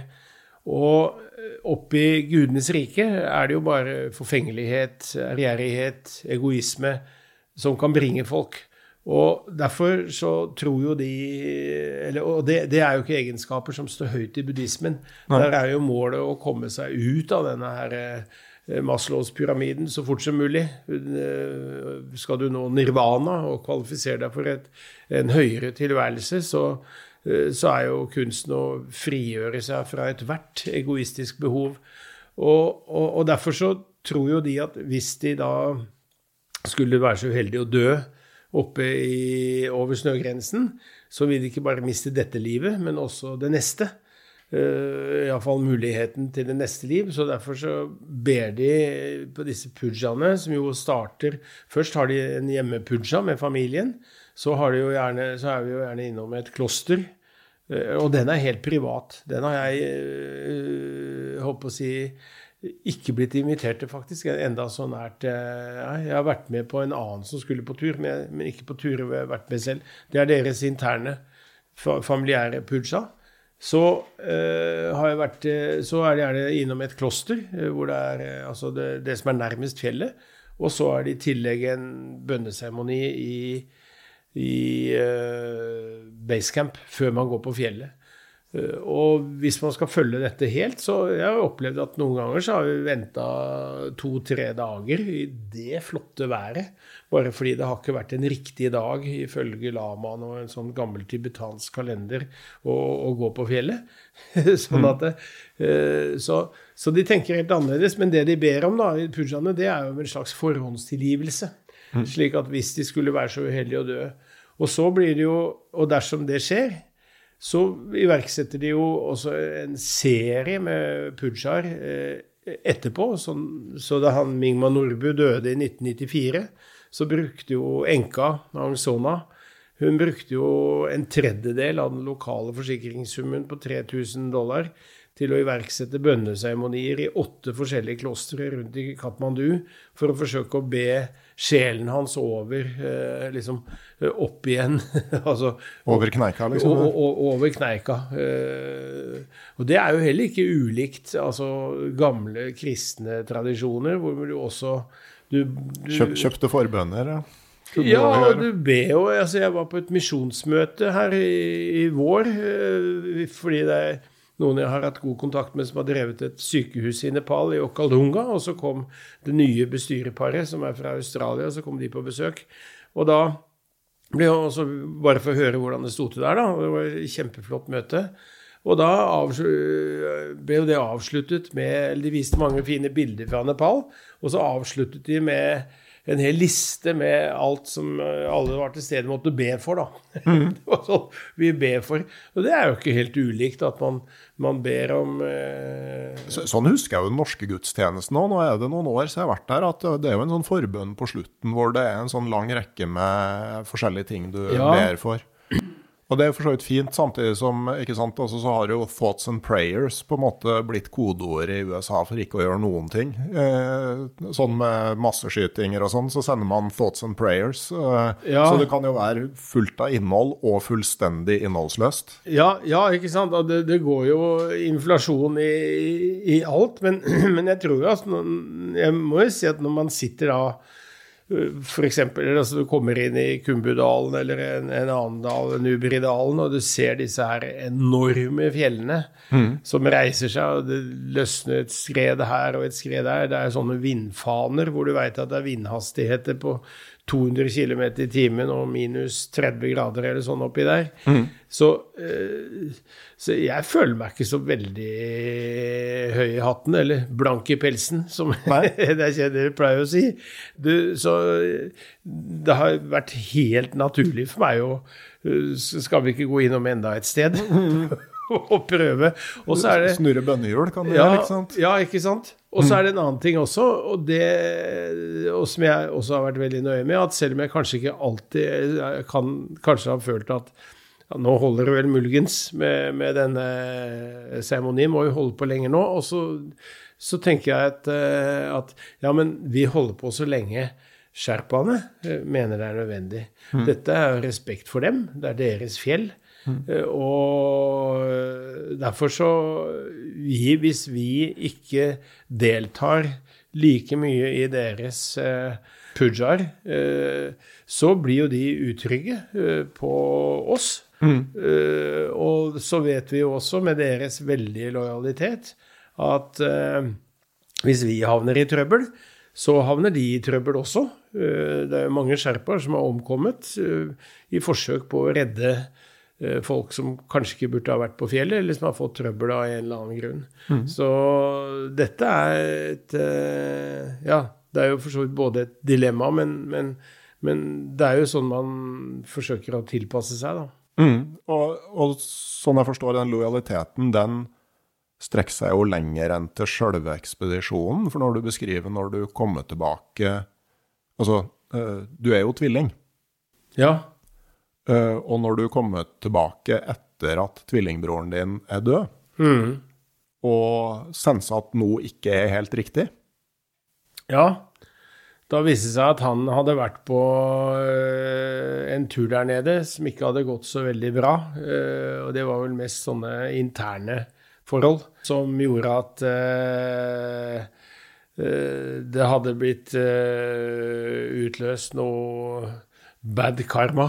Mm. Så da eh, holdt de på å Da hadde de iverksatt faktisk for, eh, Sven, som tvillingbjørnen min het, da, var jo også veldig sterkt knytta til sherpaene. og vi kom egentlig litt i utakt, fordi han kom jo på toppen i 96, og det gjorde ikke jeg. Så han fortsatte da med Makalu og Lotse, mens jeg fortsatte jo igjen med Everest, selv om vi var på et par turer sammen innimellom, både på Manaslu og Shishapangma og Shoyo. Eh, så, men så hadde han da vært på Lotse, og der hadde det vært veldig dårlige interne forhold. Og det var mye skyldtes vel hans lederskap, tror jeg, som ikke hadde funka noe særlig akkurat der og da. Uh, og, og, og, da Og så døde han da uh, et uh, par år etterpå. Så da jeg kom ned der etter at han var død i 2009, da, en måned, ja, drøy måned seinere, så var det en sånn merkelig stemning. og da viste det seg at da hadde de iverksatt noe kraftig med sånne bønneseremonier rundt i i flere klostre eh, for å forsøke å få sjelen hans opp på den riktige siden. Han døde jo også i en båtulykke, da. Så, så, så det, det, det, var Så da jeg endelig fikk ut forklaringen Men de, de var jo så Forsøkte å være så hensynsfulle og ikke fortelle meg først at det var han de egentlig ba for, da. Og at det, de ville ikke at jeg skulle vite at, eh, at det sto litt dårlig til med sjelen hans akkurat der og da. så, så men, det, ja. men, det sier jo noe om en nærmest sånn grenseløs lojalitet, da?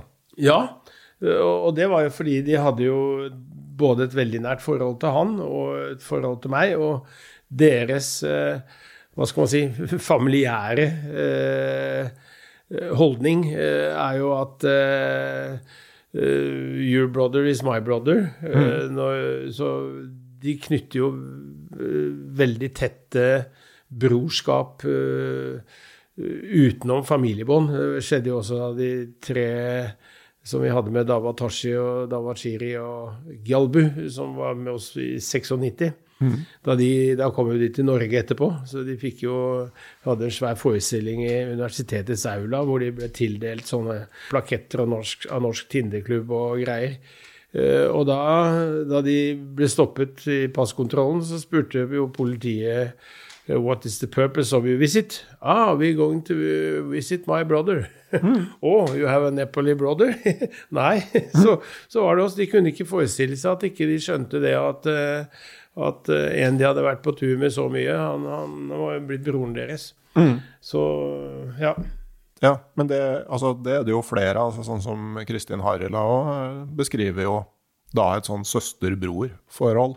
Ja visst. Ja. Mm. ja. Sånn når du har vært mye sammen og gjort ting sammen. Ja, og jeg opplever jo det eh, Altså, dette dreier seg jo om et dypt vennskap, og jeg opplever jo det som helt reelt. Eh, jeg leste Jeg problematiserer jo dette litt i boka også, for jeg leste jo en eh, ganske En veldig god studie som en amerikansk sosialantropolog som heter Sherby Ortner har gjort av skrevet en bok som heter 'Life and Death on Mount Everest', hvor hun har intervjuet massevis av uh, sherpaer, og også mange ekspedisjonsledere som mener å ha utviklet et nært vennskap til uh, sine sherpaer. Og hun mener at det er ikke helt reelt pga. dette asymmetriske forholdet da, mellom sahib og kuli. men så oppdaget jeg at hun, hun, har jo aldri vært på noen ekspedisjon sjøl. hun har bare snakket med folk. Og når jeg da spør f.eks. Odd Eliassen eh, hans forhold til Pertemba, så, som jo var leder mm -hmm. på, på den norske Everest-ekspedisjonen i 85 Jeg også var med i 71. Ja, og som han også var på tur med da, så, så sier jo han at han, han, begynner å grine han, hver gang han treffer Pertemba. Og jeg merker jo også det, jeg får tårer i øynene bare, bare tenke, på, det, tenke på dem. Og det er klart, når du har tilbrakt altså mange netter, altså ukevis i telt eh, og på tur med, med noen du har frosset, du har opplevd fare, du har opplevd glede, du har opplevd alt. Klart det utvikler seg reelle vennskap av sånt. Så uavhengig av klasse og etnisk opprinnelse og hva enn det måtte være. Dette er jo det samme som skjer med Brothers in Arms? I, altså i, i krig også.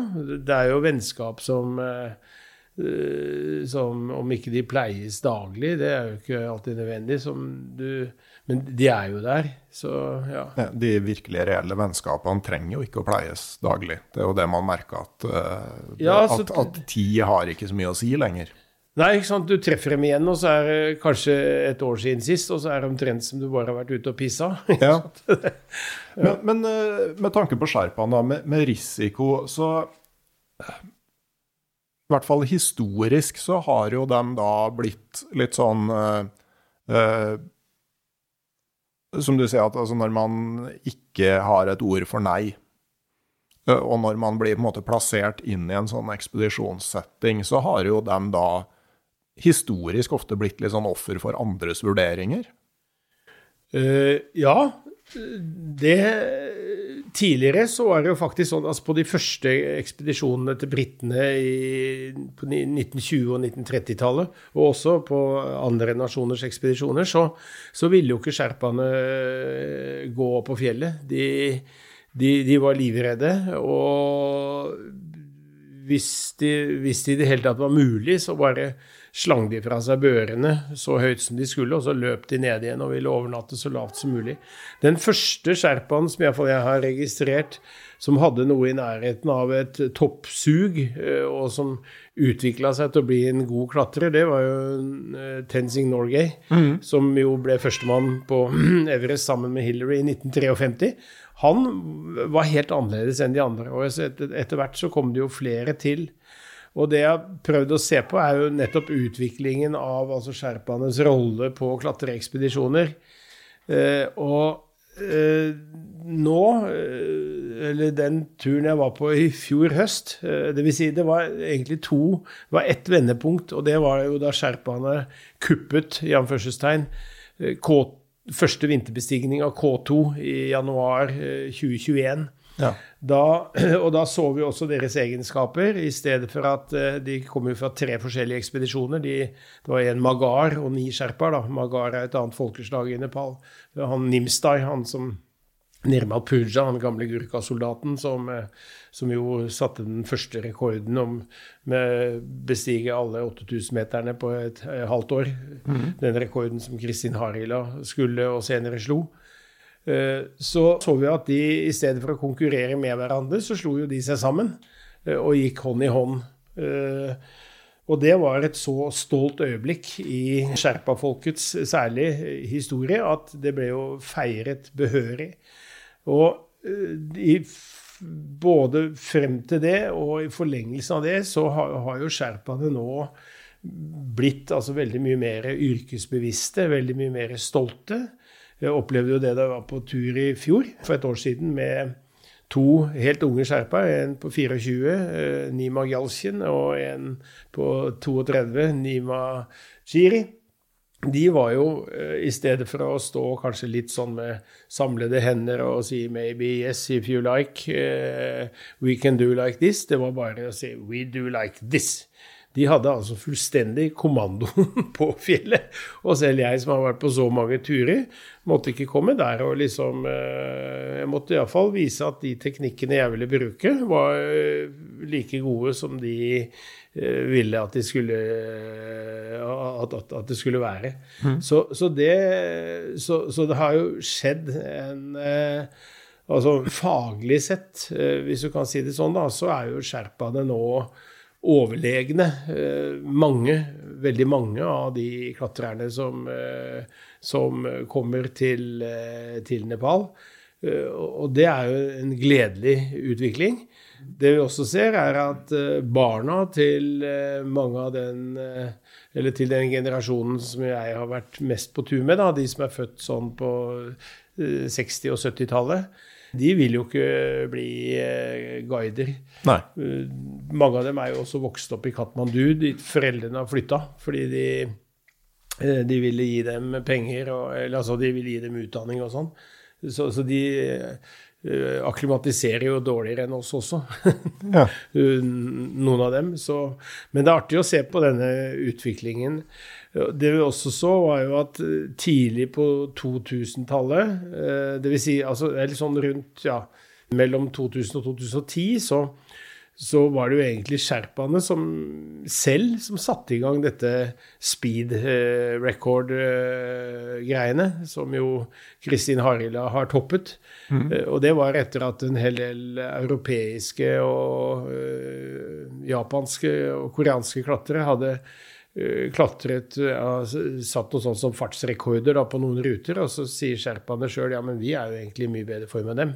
Og derfor så begynte de å, å ta tiden på hverandre. Eh, hvor kjapt de kunne komme seg fra basecamp og opp på først Everest, og siden både Everest og Lotse. Og så har jo dette utviklet seg nå videre til et sånt eh, rekordjag, så jeg mener jo at eh, kanskje denne, disse fire ekspedisjonsperiodene, oppdagelsesperioden, erobrerperioden, eh, og så mer alpinstilperioden kanskje, og kommersielle perioden. Man burde egentlig lage en ny periode, som er altså troféjeger og rekord. rekordperioden. Ja, Men også med sherpaene mer i førersetet? Ja, delvis. Eh, så ja så sherpaene har jo selv mm, initiert mye av dette, og de, de er jo også litt sånn, sånn eh, Hva heter det på et fint ord? Kompetitive av natur. De syns jo det er moro eh, å konkurrere, de òg. Men så ser man jo at det kan gå litt for langt, da. Sånn som denne ulykken på Shishapangma nå i Kina i høst, hvor eh, det var da to amerikanske eh, damer som begge kunne bli den første amerikanske dama som hadde vært på alle eh, 14-8000-meterne, og hvor de jo under det som eh, må ha vært helt uforsvarlige forhold, eh, i stedet for å samarbeide eh, og vente, så pusher begge for å forsøke å komme til topps sammen med hver sin sherpa, og så dør de jo i to forskjellige snøskred. Og det er vel et eksempel, eh, vel et, et eksempel på hvor denne, dette rekordjaget har gått akkurat noen steg for langt. Hvis de hadde slått seg sammen, og begge hadde blitt den første dama, som hadde vært på alle 14 8000-meterne, så hadde de sannsynligvis ventet uh, i noen uker uh, til fjellet hadde rast fra seg, eller snøen hadde satt seg, og så kunne de komme trygt opp og ned begge to. Mm. Ja, for uh, nå, nå, vet vi jo uh, De som kunne fortelle oss hvilke beslutninger som ble gjort og hva som skjedde, er jo ikke her lenger. Uh, men man, når du ser det utafra, så framstår det jo som en situasjon altså når et kappløp til toppen av Shisapangma skal avgjøre hvem som blir nummer én og nummer to, på, eh, av amerikanske kvinner på alle 14 8000-metere, og du vet på en måte hvor stor forskjell det er i USA på hver nummer én og nummer to, så tenker jeg at det er en situasjon hvor det må være ekstremt vanskelig å ta de riktige beslutningene. Ja, altså Fjellene lever jo sitt eget liv. Og det som iallfall har vært min eh, tilpasning, og som gjør at jeg sitter her og ikke ligger under en snøfonn eh, på et eller annet høyt fjell, det er jo eh, å nettopp ta seg nok tid til å leve med fjellet. Og det er jo ikke bare fordi det er Jeg syns jo det er høyere trivsel når man har så god tid at man glemmer hvilken dag det er, og du kommer inn i en sånn helt tidløs tilværelse som er Eh, kanskje akkurat det motsatte av mm. denne stoppeklokketilværelsen som vi jo lever i i vår del av verden. Eh, men det er jo også farlig eh, å utfordre naturkreftene. Og ettersom Her så vi jo også at det var jo to forskjellige skred. Det var liksom ikke det derre ene uventede som, som, som, som gikk. Så, og her er vel også som du sier, vi vet jo ikke hvilke beslutninger som er truffet. Um, jeg har en pakistansk eh, venn som var på fjellet samtidig, sammen med eh, den første pakistaneren som kunne eh, ha besteget alle 8000 meter-toppene.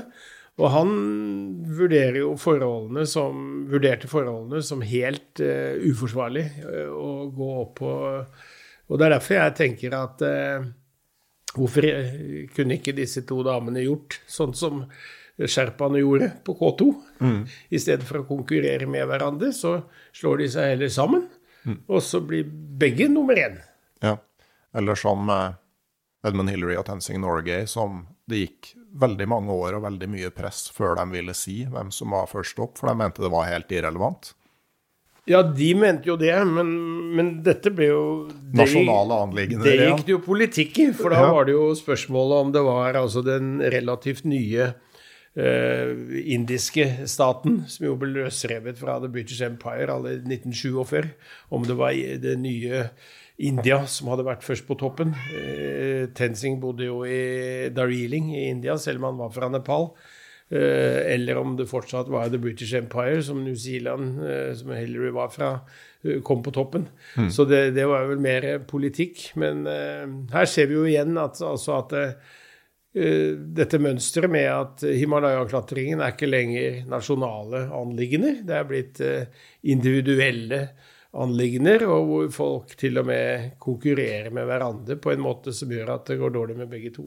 Ja, og Et poeng for sherpaene her, ikke sant? at en klient, da, en klatrer i det her, skal én gang på et fjell, eller gjennomføre en, flere ekspedisjoner én gang, mens en sherpa som jobber med det her, skal gjøre det kanskje én, to, tre ganger hver sesong gjennom et langt yrkesliv, og hvilken risiko du kan akseptere de to, med de to betingelsene, er jo forskjellig.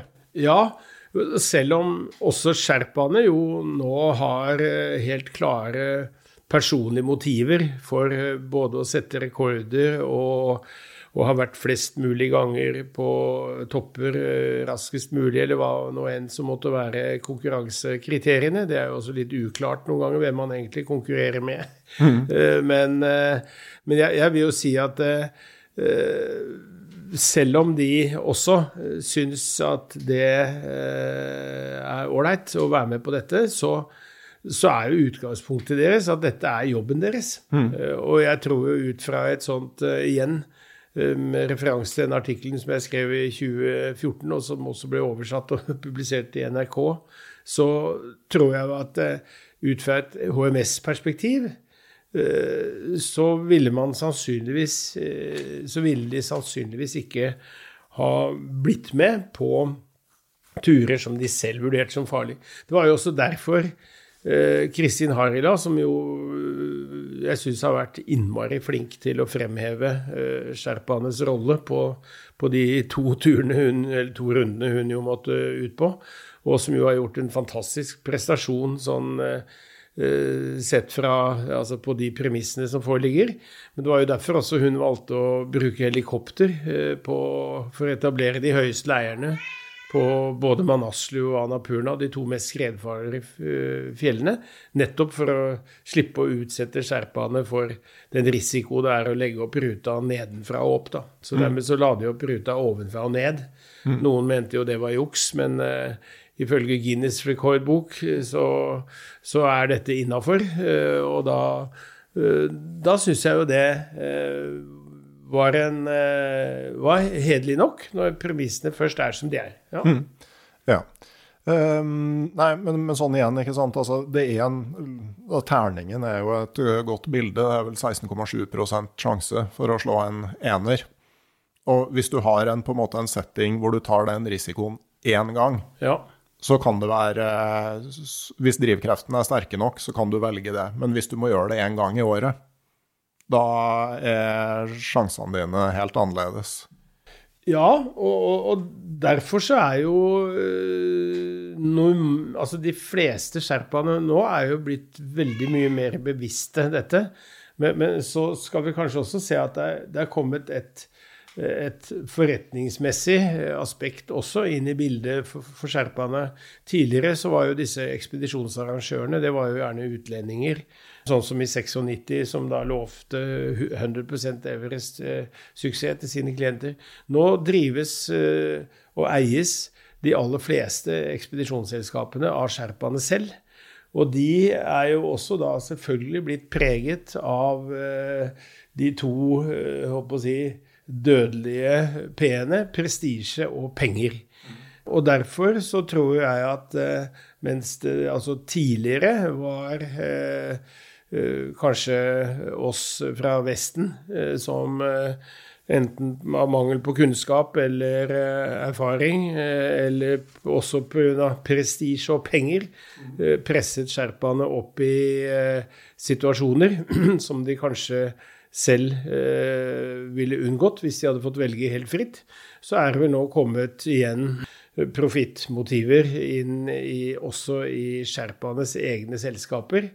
Eh, og det da har vært den arrangøren som fikk eh, eh, den eller den på toppen, eller som satte den eller den rekorden, det gir jo selvfølgelig dem også forretningsmessige fordeler. Så det er jo kanskje noe av den uheldige langsiktige påvirkningen som vår tilstedeværelse og etter hvert intense og tallrike tilstedeværelse i Himalaya har påført uh, både Nepal og Sherpa-kulturen. Mm. Vi skal begynne å runde av litt nå, men for å på en måte vende tilbake til det, kanskje det store spørsmålet helt til slutt. Altså sånn, hvorfor? Hvorfor har du brukt så mye av livet ditt på de store fjellene her? Hva, hva er når du ser tilbake på det, hva er det du har søkt, og hva er det du har funnet? Jeg lagde et foredrag for noen år siden eh, som hadde tittelen eh, 'Alle reiser er en omvei hjem'. Mm -hmm. Det holdt fra Herbjørn Sørebø, som var tittelen på hans første diktsamling. Eh, så nei, altså Jeg jeg sitter eh, Da jeg satt og, og lagde denne siste boka, da, hvor jeg gjennomgikk alle disse turene, og ikke minst så på mine egne motiver opp mot sherpaenes uh, motiver, så, så, så, ser jeg vel at uh, Jeg tror nok det var en eller annen form for uh, flukt. Men jeg vil jo si til noe bedre. For det jeg fant, eller har funnet, av verdier i eh, sherpasamfunnet, og all den gleden og nærheten og alle de vennskapene og alt det jeg har fått gjennom dette, eh, har jo vært liksom helt, eh, helt uvurderlig. Mm. Og jeg var jo i bryllupet til eldstedatteren til han Mingma Nordbu, som døde i, i uh, 94. Uh, hun giftet Pasangdiki hun giftet seg da med sin Furpa i januar i år. Og da dro vi nedover hele familien. Både Bodil, kona mi og barna. Og Jens og Anna og deres uh, Oda og Joakim. Så vi var altså hele familien i norske bunader i et svært eh, arrangement. Sherpa-bryllup er liksom til slutt hundrevis. Det er sånn sånne gamle norske bondebrylluper, og vel så det. Mm. Og da skulle jo hun vies, hun eh, på et teppe, hun Pasangdiki og hadde da valgt med seg Anna, datteren min, som forlover. Oi. Og mens jeg da sto eh, opp på et podium og skulle ta bilde av dem, så bare vinker hun meg ned til seg, hun Pasangdiki, og så, eh, så tar hun hånden min og klemmer den så hardt at jeg, rekker jo, jeg greier ikke å klemme tilbake om det. Mm. Og så sier hun Thank you so much for coming. No, my family is complete. Mm. Og da kjente jeg liksom noe innvendig. For det første var noe som løsna. Kanskje den gamle skyldfølelsen. Men også denne uh, ufattelige undringen over finnes det så mye tilgivelse, kjærlighet, at her sitter han som reiv opp denne familien i sin tid, altså 28 år tidligere, uh, og blir takket for å ha spleisa familien sammen igjen. Mm. Uh, så da ble jeg både eh, så lettet at jeg tror jeg nesten kunne fly opp under taket, og samtidig så satt ut. Eh, så da måtte jeg bare ha eh, en, stund for meg sjæl eh, e-, etterpå. Og jeg tror å få oppleve en sånn et sånt sånn kjærlighet, sånn vennskap, er jo det har jo vært liksom mer enn no, noe. Så det å greie å ta med seg det og overføre det til andre Og jeg tror vel også at en hel del av de bøkene jeg har skrevet, som en del syns er viktige, sånn som f.eks. denne boken om lille Kristoffer, som jo ble mishandlet til døde av sin eh, mors nye mann, Eh, jeg tror aldri jeg hadde klart å skrive den hvis ikke jeg selv hadde vært ute i såpass mye ekstreme eh, forhold og selv eh, klart å, å leve med så mye høy risiko og, og så mye jeg håper å si, død og, og fordøyelse. Så jeg tror det har hatt Hvis jeg skal gjøre opp regnestykket Nå er jeg jo ikke fylt 70 år ennå engang, da, men, men hvis jeg skal gjøre opp regnestykket sånn var det verdt det? Ja, definitivt. Det har mm. kostet mye. Men det er vel ofte sånn at det som koster mest, også kan være det som gir mest.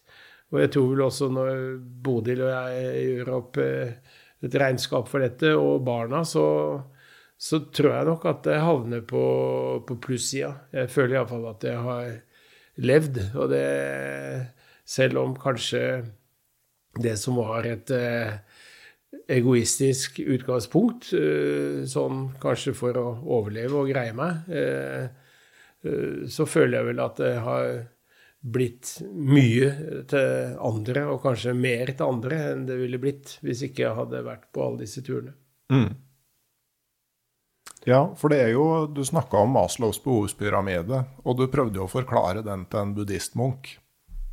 Som, ja. Eh, sånn avslutningsvis. Ja, ja nei, altså hans, hans eh, kommentar da jeg tegnet den, det var jo fordi Mas, uh, Manaslu, hvor vi var da, i 2002 det så jo ut som uh, Maslows pyramide, og vi vandret jo mer eller mindre i bokstavelig forstand opp gjennom den. Gjennom mm. det fattigste av det fattigste av Nepal, via Tibet, hvor, eller altså Det vil si tibetanske bosettinger, hvor det er mer sosiale strukturer og sånn, mer synlig. Og så, så, tegnet jeg denne pyramiden, da, og så sier han jo til slutt at hva, spurte jeg hva er kommentaren. Så satt han og grubla litt, og så sier han Dette var via en lærer som tolka, da. I think the more needs we satisfy, the more needs we develop. Og det viser seg vel også at en av uh, utgangene til, som er mindre kjent Maslow hadde vel tre utganger av denne pyramiden. Uh, og det ene var at du, du ramler ned i bånn. Mm -hmm. Det tredje er at du blir der oppe og blir deg selv nok, og sånn sett dør mer eller mindre åndelig. Det, men det tredje, det var charity. At du faktisk altså gjør noe for andre. Du, og det ser vi jo sånn som på Bill Gates og en hel del av disse her eh, som eh, har endt oppi der. Det er, sånn, det er vel sånn som kanskje passer å avslutte med Nils Faarlunds eh, flotte eh, lille aforisme, som han kaller den. Eh, det finnes ingenting på toppen av høye fjell. Den som ikke bringer noe med opp, kommer like tomhendt tilbake. Det er veien som er målet. Nettopp. Det høres veldig bra ut. Og så kan vi aller sist ta med Tensing Norgay, som sier at jeg hadde beseiret fjellet, men inni meg var jeg fortsatt gamle Tensing, og livet mitt måtte jeg fortsatt leve. Det tror jeg òg noe å ha i bakhodet for alle som drar på lange turer, at du må fortsatt leve livet ditt når du kommer hjem igjen. Ja, jeg tror at uh, lykke, det er ferskvare. Og så tror jeg vel det også er sånn at uh, når man har vært på en så sammenhengende og langvarig egotripp, selv om jeg jo har gjort mye annet innimellom også, så tror jeg jo at uh, man blir ikke lykkelig av å være seg selv nok. Man blir først lykkelig når man greier å dele alt man har opplevd med andre. Og det er faktisk også noe av tanken bak den boka, som jeg var i sterk tvil om jeg i det hele tatt ville få til, eller kanskje burde skrive. Først da Sherpa, jeg kunne gi hovedrollen til sherpaene, så funka det. Mm.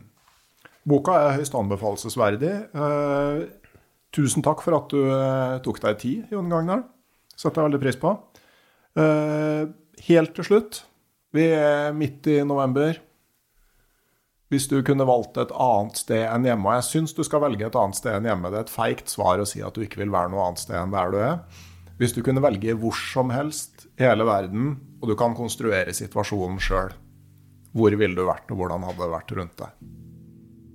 Det da ville jeg vært i en nyoppdaget liten landsby akkurat ved inngangen til Råvaling, som heter Riku. Hvor det bare bor 14-15 familier. Eh, og Det er ikke skjerpa folk engang. Det er tsjetre og tamanger. Ligger på en nydelig sånn bø med små, koselige hus. Eh, der, det savner jeg. Jeg var der eh, for første gang i fjor og i forfjor, og det er mitt neste drømmested. Eh, lille Riku. Mm. Ok. Tusen takk igjen. Takk, takk for meg. takk også til min eh, kommersielle samarbeidspartner Barents Outdoor, og takk til medlemmene i det digitale turlaget på Patrion. Det var alt for denne gang. Vi sier takk for oss her, og om ei uke så er det tid for en ny episode av podkasten Uteliv. Og inntil da så sier jeg rett og slett ha det bra.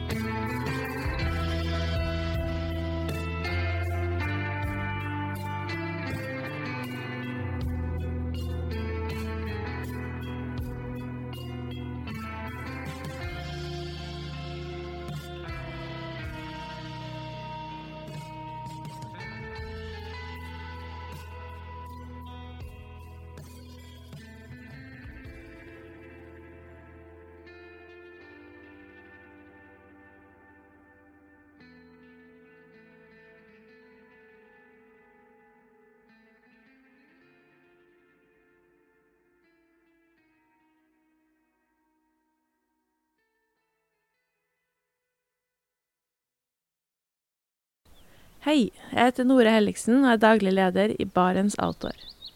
Det beste vi kan gjøre for planeten, er å redusere forbruket vårt og få mer ut av det utstyret vi allerede har.